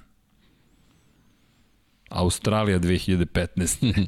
Australija 2015. Mada Holandija 2017. Ne znam, ne znam. Ja mnogo volim tu trku u Australiji. Posle se desila ona čuvena Malezija 2015. pa je zaboravljena Australija. Ali ta trka, wow, baš je, baš je bila za, za pamćenje. Mnogo dobrih vozača. Doviciozo iduće sezone u povratku šampionat, nadamo se, nadamo se zaista ali nisam siguran da će se to desiti. E, Dragan Matić, Srki stiže proleće, jesi li nabavio motocikl i zašto nisi? Pokušavaju da me odvrate, ali Dragane stiže bez brige, bez brige. Inače, nadam se da ćemo nadam se da ćemo doći do toga da zapravo budemo u Hrvatskoj kada bude reli šampionat svetski. Ne znamo da li ćemo moći trenutno viša sila je zaista na nivou koje se kada govorimo o onome što planiramo, tako da moramo da moramo da da čekamo praktično.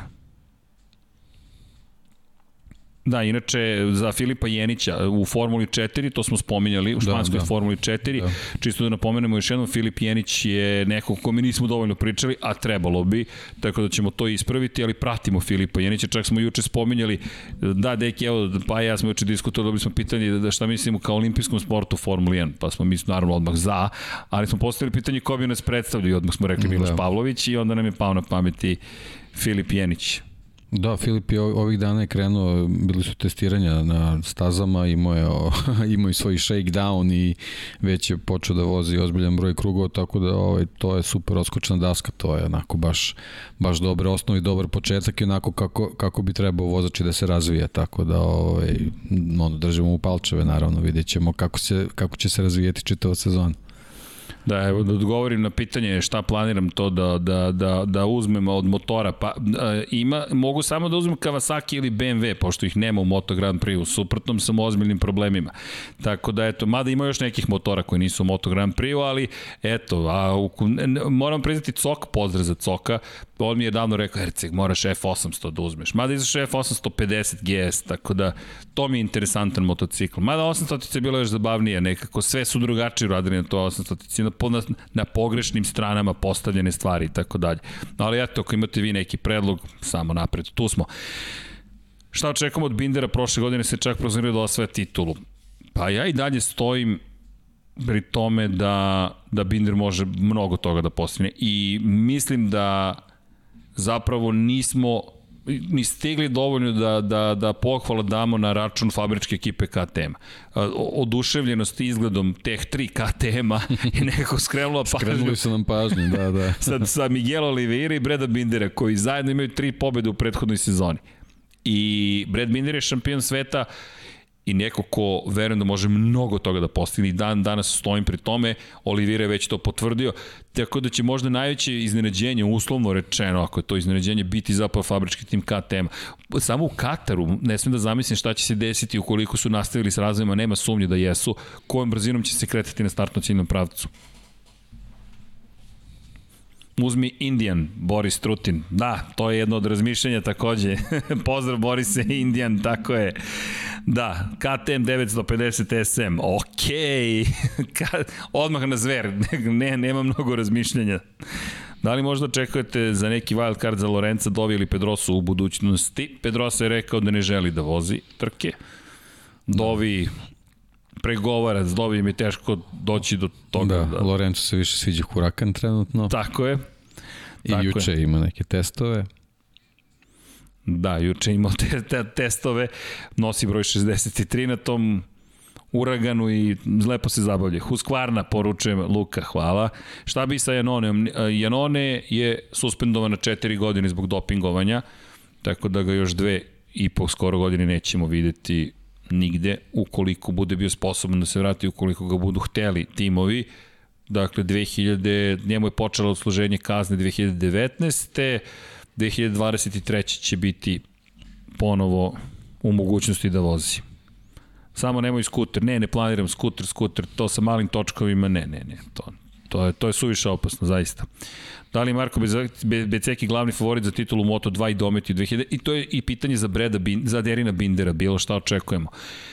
Uh, Beceki, pa deluje da na papiru je on taj od koga bismo mogli da očekujemo da, borbu za titulu. Papir, papir, papir, papir, papir. Vara, vara, posebno u toj kategoriji, to je. Moramo da krenemo. Da, Mislim, možemo ovako mi sad da, da, da prognoziramo, ali... Da, kad počne sezona, da, jedino. Da. Da li će možda Dušan Borković biti gost, reli ili kružne truke za Ducu, veliki pozdrav studiju na kraju univerzuma. Z, zašto da ne? Sve, mi sve vozače pokušamo da dovedemo. Da, oglasio se pre nekim i... na društvenim mrežama, stavi otprilike nešto uskoro. Nešto. Se kreće, da, hajde sad čekaj ćemo da vidimo šta je, šta je konkretno. Evo, ljubitelj BMW-a, samo BMW S1000, dobro? To je Tonija Sonija. Da valja će uskoro sve ovo da prođe, pa da na trku da prošetamo padakom u Lep 76 majicama preće proći COVID nego što će stići majica, šalu na stranu, neka prođe COVID što je pre moguće, ali stižu uskoro. Triumf Daytona 675. 765 da. ili še, aha, da. to je prethodna verzija. Ok. Na koje ruki u Moto3 treba obratiti pažnju? U, ruki u Moto trojkama. Na, obratite pažnju sad, na koga?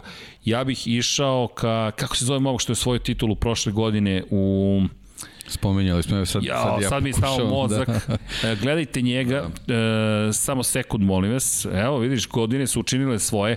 Zaboravio sam momku ime, ali obavezno ga gledajte. Imate ko je osvojio titulu? Nije Izan Gevara, e, ko je osvojio titulu? Gevara se borio ili je Gevara osvojio? Izan Gevara svakako. Izan Gevara odmah vam kažem, Izan Gevara, obavezno gledajte Izan Gevaru.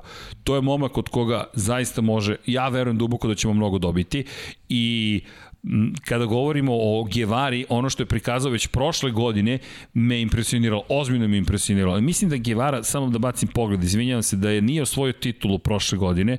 U CV Repsol šampionatu mislim da je na poslednjoj trci sezone ostao bez, bez titule, ali Gevara meni deluje kao da je na pravom mestu u pravo vreme, kod Jorge Martineza Spara. Samo da bacim pogled, izvinjavam se, na prethodnu godinu, kako se završila sezona. Ne, Guevara i Artiga su oteo titulu, tako je, Guevara je oteo. E, na Artiga sam mislio, Artigas e, koji vozi za Leopard Racing i Artigas je takođe doveden već prošle godine. Međutim, Artigas je popustio u Valenciji na toj posljednoj trci sezone, imao i problem, kaznu, bi startove se začelja, ali Izan Givara je odličan, odličan vozač i baš mi se dobro dopao kako može da vozi, tako da vodite računa o Izanu Givari. Pedro Acosta, eh, Pedro Acosta je djelovao moćno u kupu Novajlija. Problem sa kupom Novajlija Red Bullovim je što se jedan vozač izdvoji i onda steknete utisak da je on toliko bolji od svih na svetu, da kad uđe u svetsko prvenstvo će da, da, da, da, da izdominira.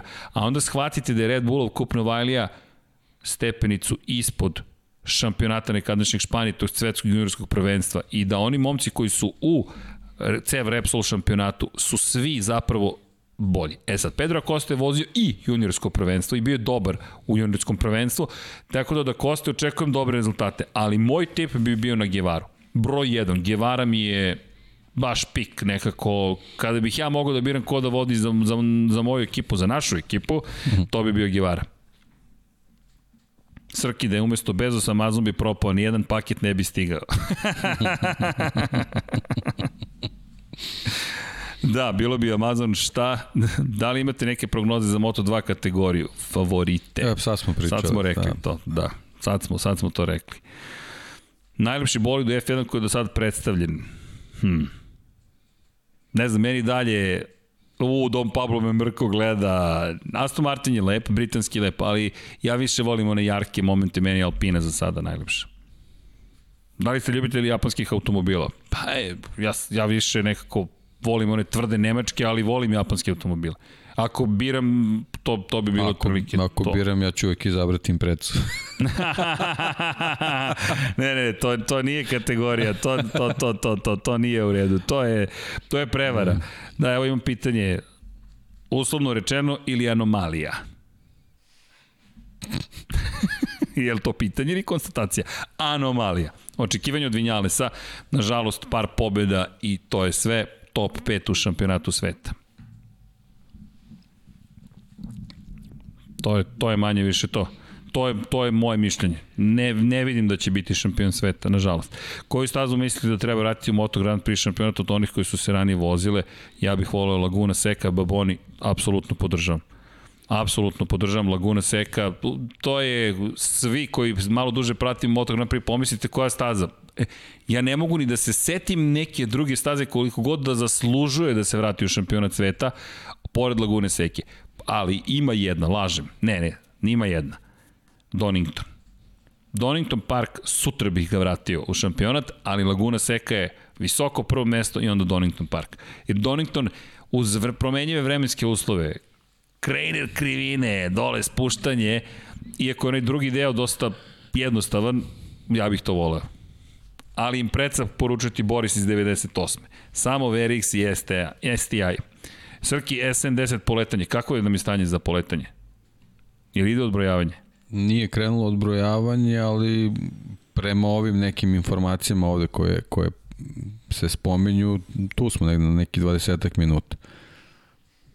Na 20 minut. Pa da, ali znaš kako i sam. Dobro, to znam. Je, to nije baš, nije baš ovaj konstantna neka kategorija, kad to tako kažeš. E, da ima ovo jedno pitanje za, za izjavu Mike Sala. Dosta puta je postavljeno. Šta, kako ti gledaš na ono što je Mika Sala rekao da će Ferrari, to jest Alfa Romeo, moći najzad da sipa puno gorivo, to je da koristi svo gorivo? Pa, Ne, ne, mislim... Povukao je tu izjavu da, malo kasnije. Da, da, da, to je onako malo, ne znam da li je bilo nepromišljeno ili ne znam ovaj, kako bi ovaj, to, to rekao, ali ovaj, šta znam, mislim, ne, ne ide im jednostavno u korist da, da se takve stvari da. ovaj, da. saopštavaju. Da, da, i da, mislim da se ozbiljno izleteo zapravo. Jest, jest. I da je rekao nešto što malo ljudi zna, sada svi znamo, ali pravit ćemo se da to je zapravo bilo misinterpretacija njegovih Da, da, to je on, kao, niste me dobro Niste me dobro, da. da. Mada su tu koriste neke reči koje su prilično jasne. Prilično su konkretne, vrlo konkretne, da. ali dobro. Da li je moguće obrtanje smera, smera na nekoj stazi u Moto Grand Prix ili F1? Pa ne vidimo u skorije vreme. Pa da, tu je mali, mali problem sa izletnim zonama. Da. da obrtanje staza ovaj, uslovljava i, i neke prepravke koje u današnjem vreme nisu baš jeftine, posebno zbog, zbog bezbednostnih uslova koje se zahtevaju u organizaciji određenih trka, ali verovatno postoje neke, neke ovaj, konfiguracije staza koje mogu da se koriste u jednom i drugom smeru. Da, inače dve staze koje se trenutno koriste u šampionatu sveta su nekada išle u suprotnom da, smeru. Da. Jedna je Mizano, ali čekajte, evo pitanje za vas. Evo pitanje. Inače, ukoliko ste još uvek tu, ja pratim chat, nadam se da ste tu, Dakle, ovo je čuveni poziv, lajkujte svi, subscribeujte se, ali činjenica je da imamo jedno pitanje. Koja je druga staza u šampionatu sveta Moto Grand Prix-a koja je nekada išla u suprotnom smeru odnosu na sadašnji? Ako hoćete pomoć, trenutno je krug u levo, a išla je u desno. Eto pitanja ako možete. Koliko MotoGP motori troše gorivo po trci ili na 100 km? Pa to mi otprilike trka mora da traje malo više, to je da, da da motor mora da pređe na dužinu malo veću od 100 km, imate 21 litar goriva i to vam je to. Imate razne uslovno rečeno trikove, hlade se rezervoari i ne bili pokušali da, jel te, smanje gustinu zapravo goriva, pa da onda da imaju mogućnost da zapravo sipaju nešto više goriva, ali to je vam je, eto, potrošnja, da znate na litar po kilometru. pa, da. Ne, ne 5 litara po kilometru, izvini. Je li tako? Ne. Šta sam sad lupio? Ne. Litar na 5 km, izvinjam se. Da. Brno, Nemačka, tako je, Necko 05, Nemačka, čuveni vodopad je zapravo bio uspon i niko nije planirao kada je dizajnirao tu stazu da se spustite niz vodopad, nego, jer nije bio vodopad, nego ideja bila da se priđe tome da to bude jedan ozbiljan uspon i onda skrećete u levo pa idete desno. A onda se neko seti, ajde da okrenemo krug i da je to onda levo, levo, levo, malo u desno i spust. Tako da znate. Ko je bolji zvuk? V12, V10, V8, V6? Pa... Između V12 i V10 se lomi, moram da vam priznam. V12 ima baš specifičan zvuk. Da, ja sam, imao sam i sreću uživo da čujem v, V12 iz Formula 1, tako da to je onako Pes. Stvarno, stvarno da, pesma, lep utisak, ali desetke, osmice, to je super sve. Da, Red Bull Ring, Brno ili Suzuka, apropo okretanja. Eto, apropo. Inače, da, Tony Sony ima dobar predlog za stazu koja da se vrati. Rijeka. Tony Sony, slažemo se 100%.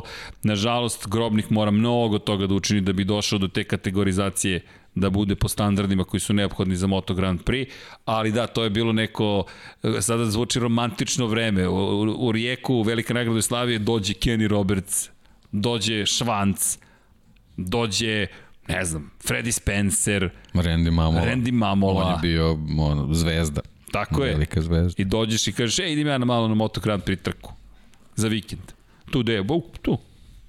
Šta, mi imamo malo da vozimo. Mada nije bilo autoputa tada, ali dobro. ali nema veze, bilo bi to prelepo. Juče se priča o olimpijskim igrama, sad ću zamisliti olimpijski igra u Moto Grand Prix. Italijani i Španci, ko bi bio bolji? Odlično pitanje. Australijanci, Jack Miller for the win. Pa, da, imali bi dobru ekipu iz različitih zemalja. Da, to, to bi baš bilo dobro, nije mi palo na pamet. Svaka da. čast, hvala na, hvala na toj ideji. Očekivanje od Lutija u novom timu. Au, piće vice šampion.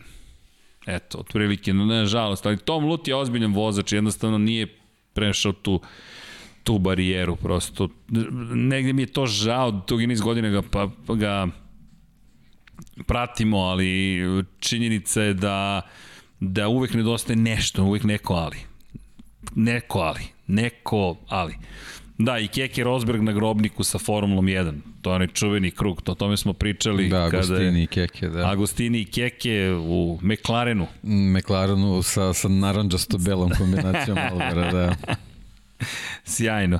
Hoće li biti majice za Crnu Goru? Hoće. Za sve? E da, To je bilo jedno od pitanja. Ljudi, evo, završili smo sve papira koliko hoćete da uvedete neke stvari, ali ćemo za one koji nisu iz Srbije moći da vršimo naplatu preko Paypala, pa i za one koji su iz Srbije preko Paypala, tako da znate da ćete moći da platite i, i online. Završili smo i taj koliko papira ali dobro, to jest nije papira, nego, e, nije možda mnogo papira, ali digitalnih potpisa, prihvatanja, pa onda morate da spojite ovo, ali sada kad to spojite, poslaćemo vam nešto da potvrdite da ste to zaista vi, a kada potvrdite da zaista vi, da onda ćemo, pa ćemo, šta, šta se dizbio? 11 minuta do 11 minuta, da. ok, mislim da smo spremni za Kosmos 76 izdanje 9K i da ćemo vam sada, da ćemo vas pozdraviti kolika će biti cena za CG G, pa preba, samo ćemo promeniti koliki je kurs dinar i euro, pa će to biti univerzalna cena, ali eto, ne znam sad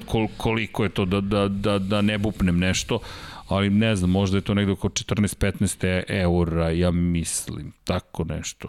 Čujte, male su nam količine i, i to u nabavci koliko košta je zabavno. Ali, šta smo rekli, kada prvog sretnemo sa majicom 70 ili prvu damu, idemo Eto, na sladoled ili na piće, sad zavisi ko šta više voli. Šta se desilo za kacigu i to? E, tu smo imali malih tehničkih samo problema, ali nismo zaboravili, to ćemo sprovesti u delo jer Dom Pablo me gleda mrko. A, inače, čekamo još jedan poklon, to je ideja bila da se spoji sa još jednom kacigom, ali ta kaciga ostala zaglavljena u Italiji, a potpisao je jedan šampion samo što je na četiri točka. Tako da znate, u svakom slučaju, mi smo spremni za poletanje, zatvorili su autoput, to su poruke, prebacujemo se na kosmos, promeni, značajno će se promeniti scenografija, ljudi koji ovde sede, realizacija i režija, no, Želimo vam zaista veliki pozdrav, šaljamo veliki pozdrav, želimo vam sve najlepše, budite zdravi, pravi, mazite se i pazite se, kao da se nećemo čuti, nadam se uskoro ponovo. U svakom slučaju, ovo je bio Lab 76, broj na kraju 75 L, pošto lep pa L, L može tako, može i M, može i B, može i C i G, a 78 ćemo da vratimo u svakom slučaju. I čeka Branislav Kosmos majicu, Branislav je jedini za sada naručio Kosmos 76 majicu, hvala Branislave za podršku, ljudi, šta da vam kažem, hvala, imamo zadovoljstvo, evo ovde imamo dve stvari, imamo Lab 76 Infinity Lights, imamo sponzora, gde nam, ovde je sponsor i imamo sa spuštanja na Mars zvaničnu nalepnicu NASE, tako da hvala Ivanu Toškovu na tome. Ljudi, sve najlepše vam želimo i nadam se da se čujemo uskoro za Kosmos 76. Ukoliko ovo slušate, pa lep dan vam želimo. Ćao svima!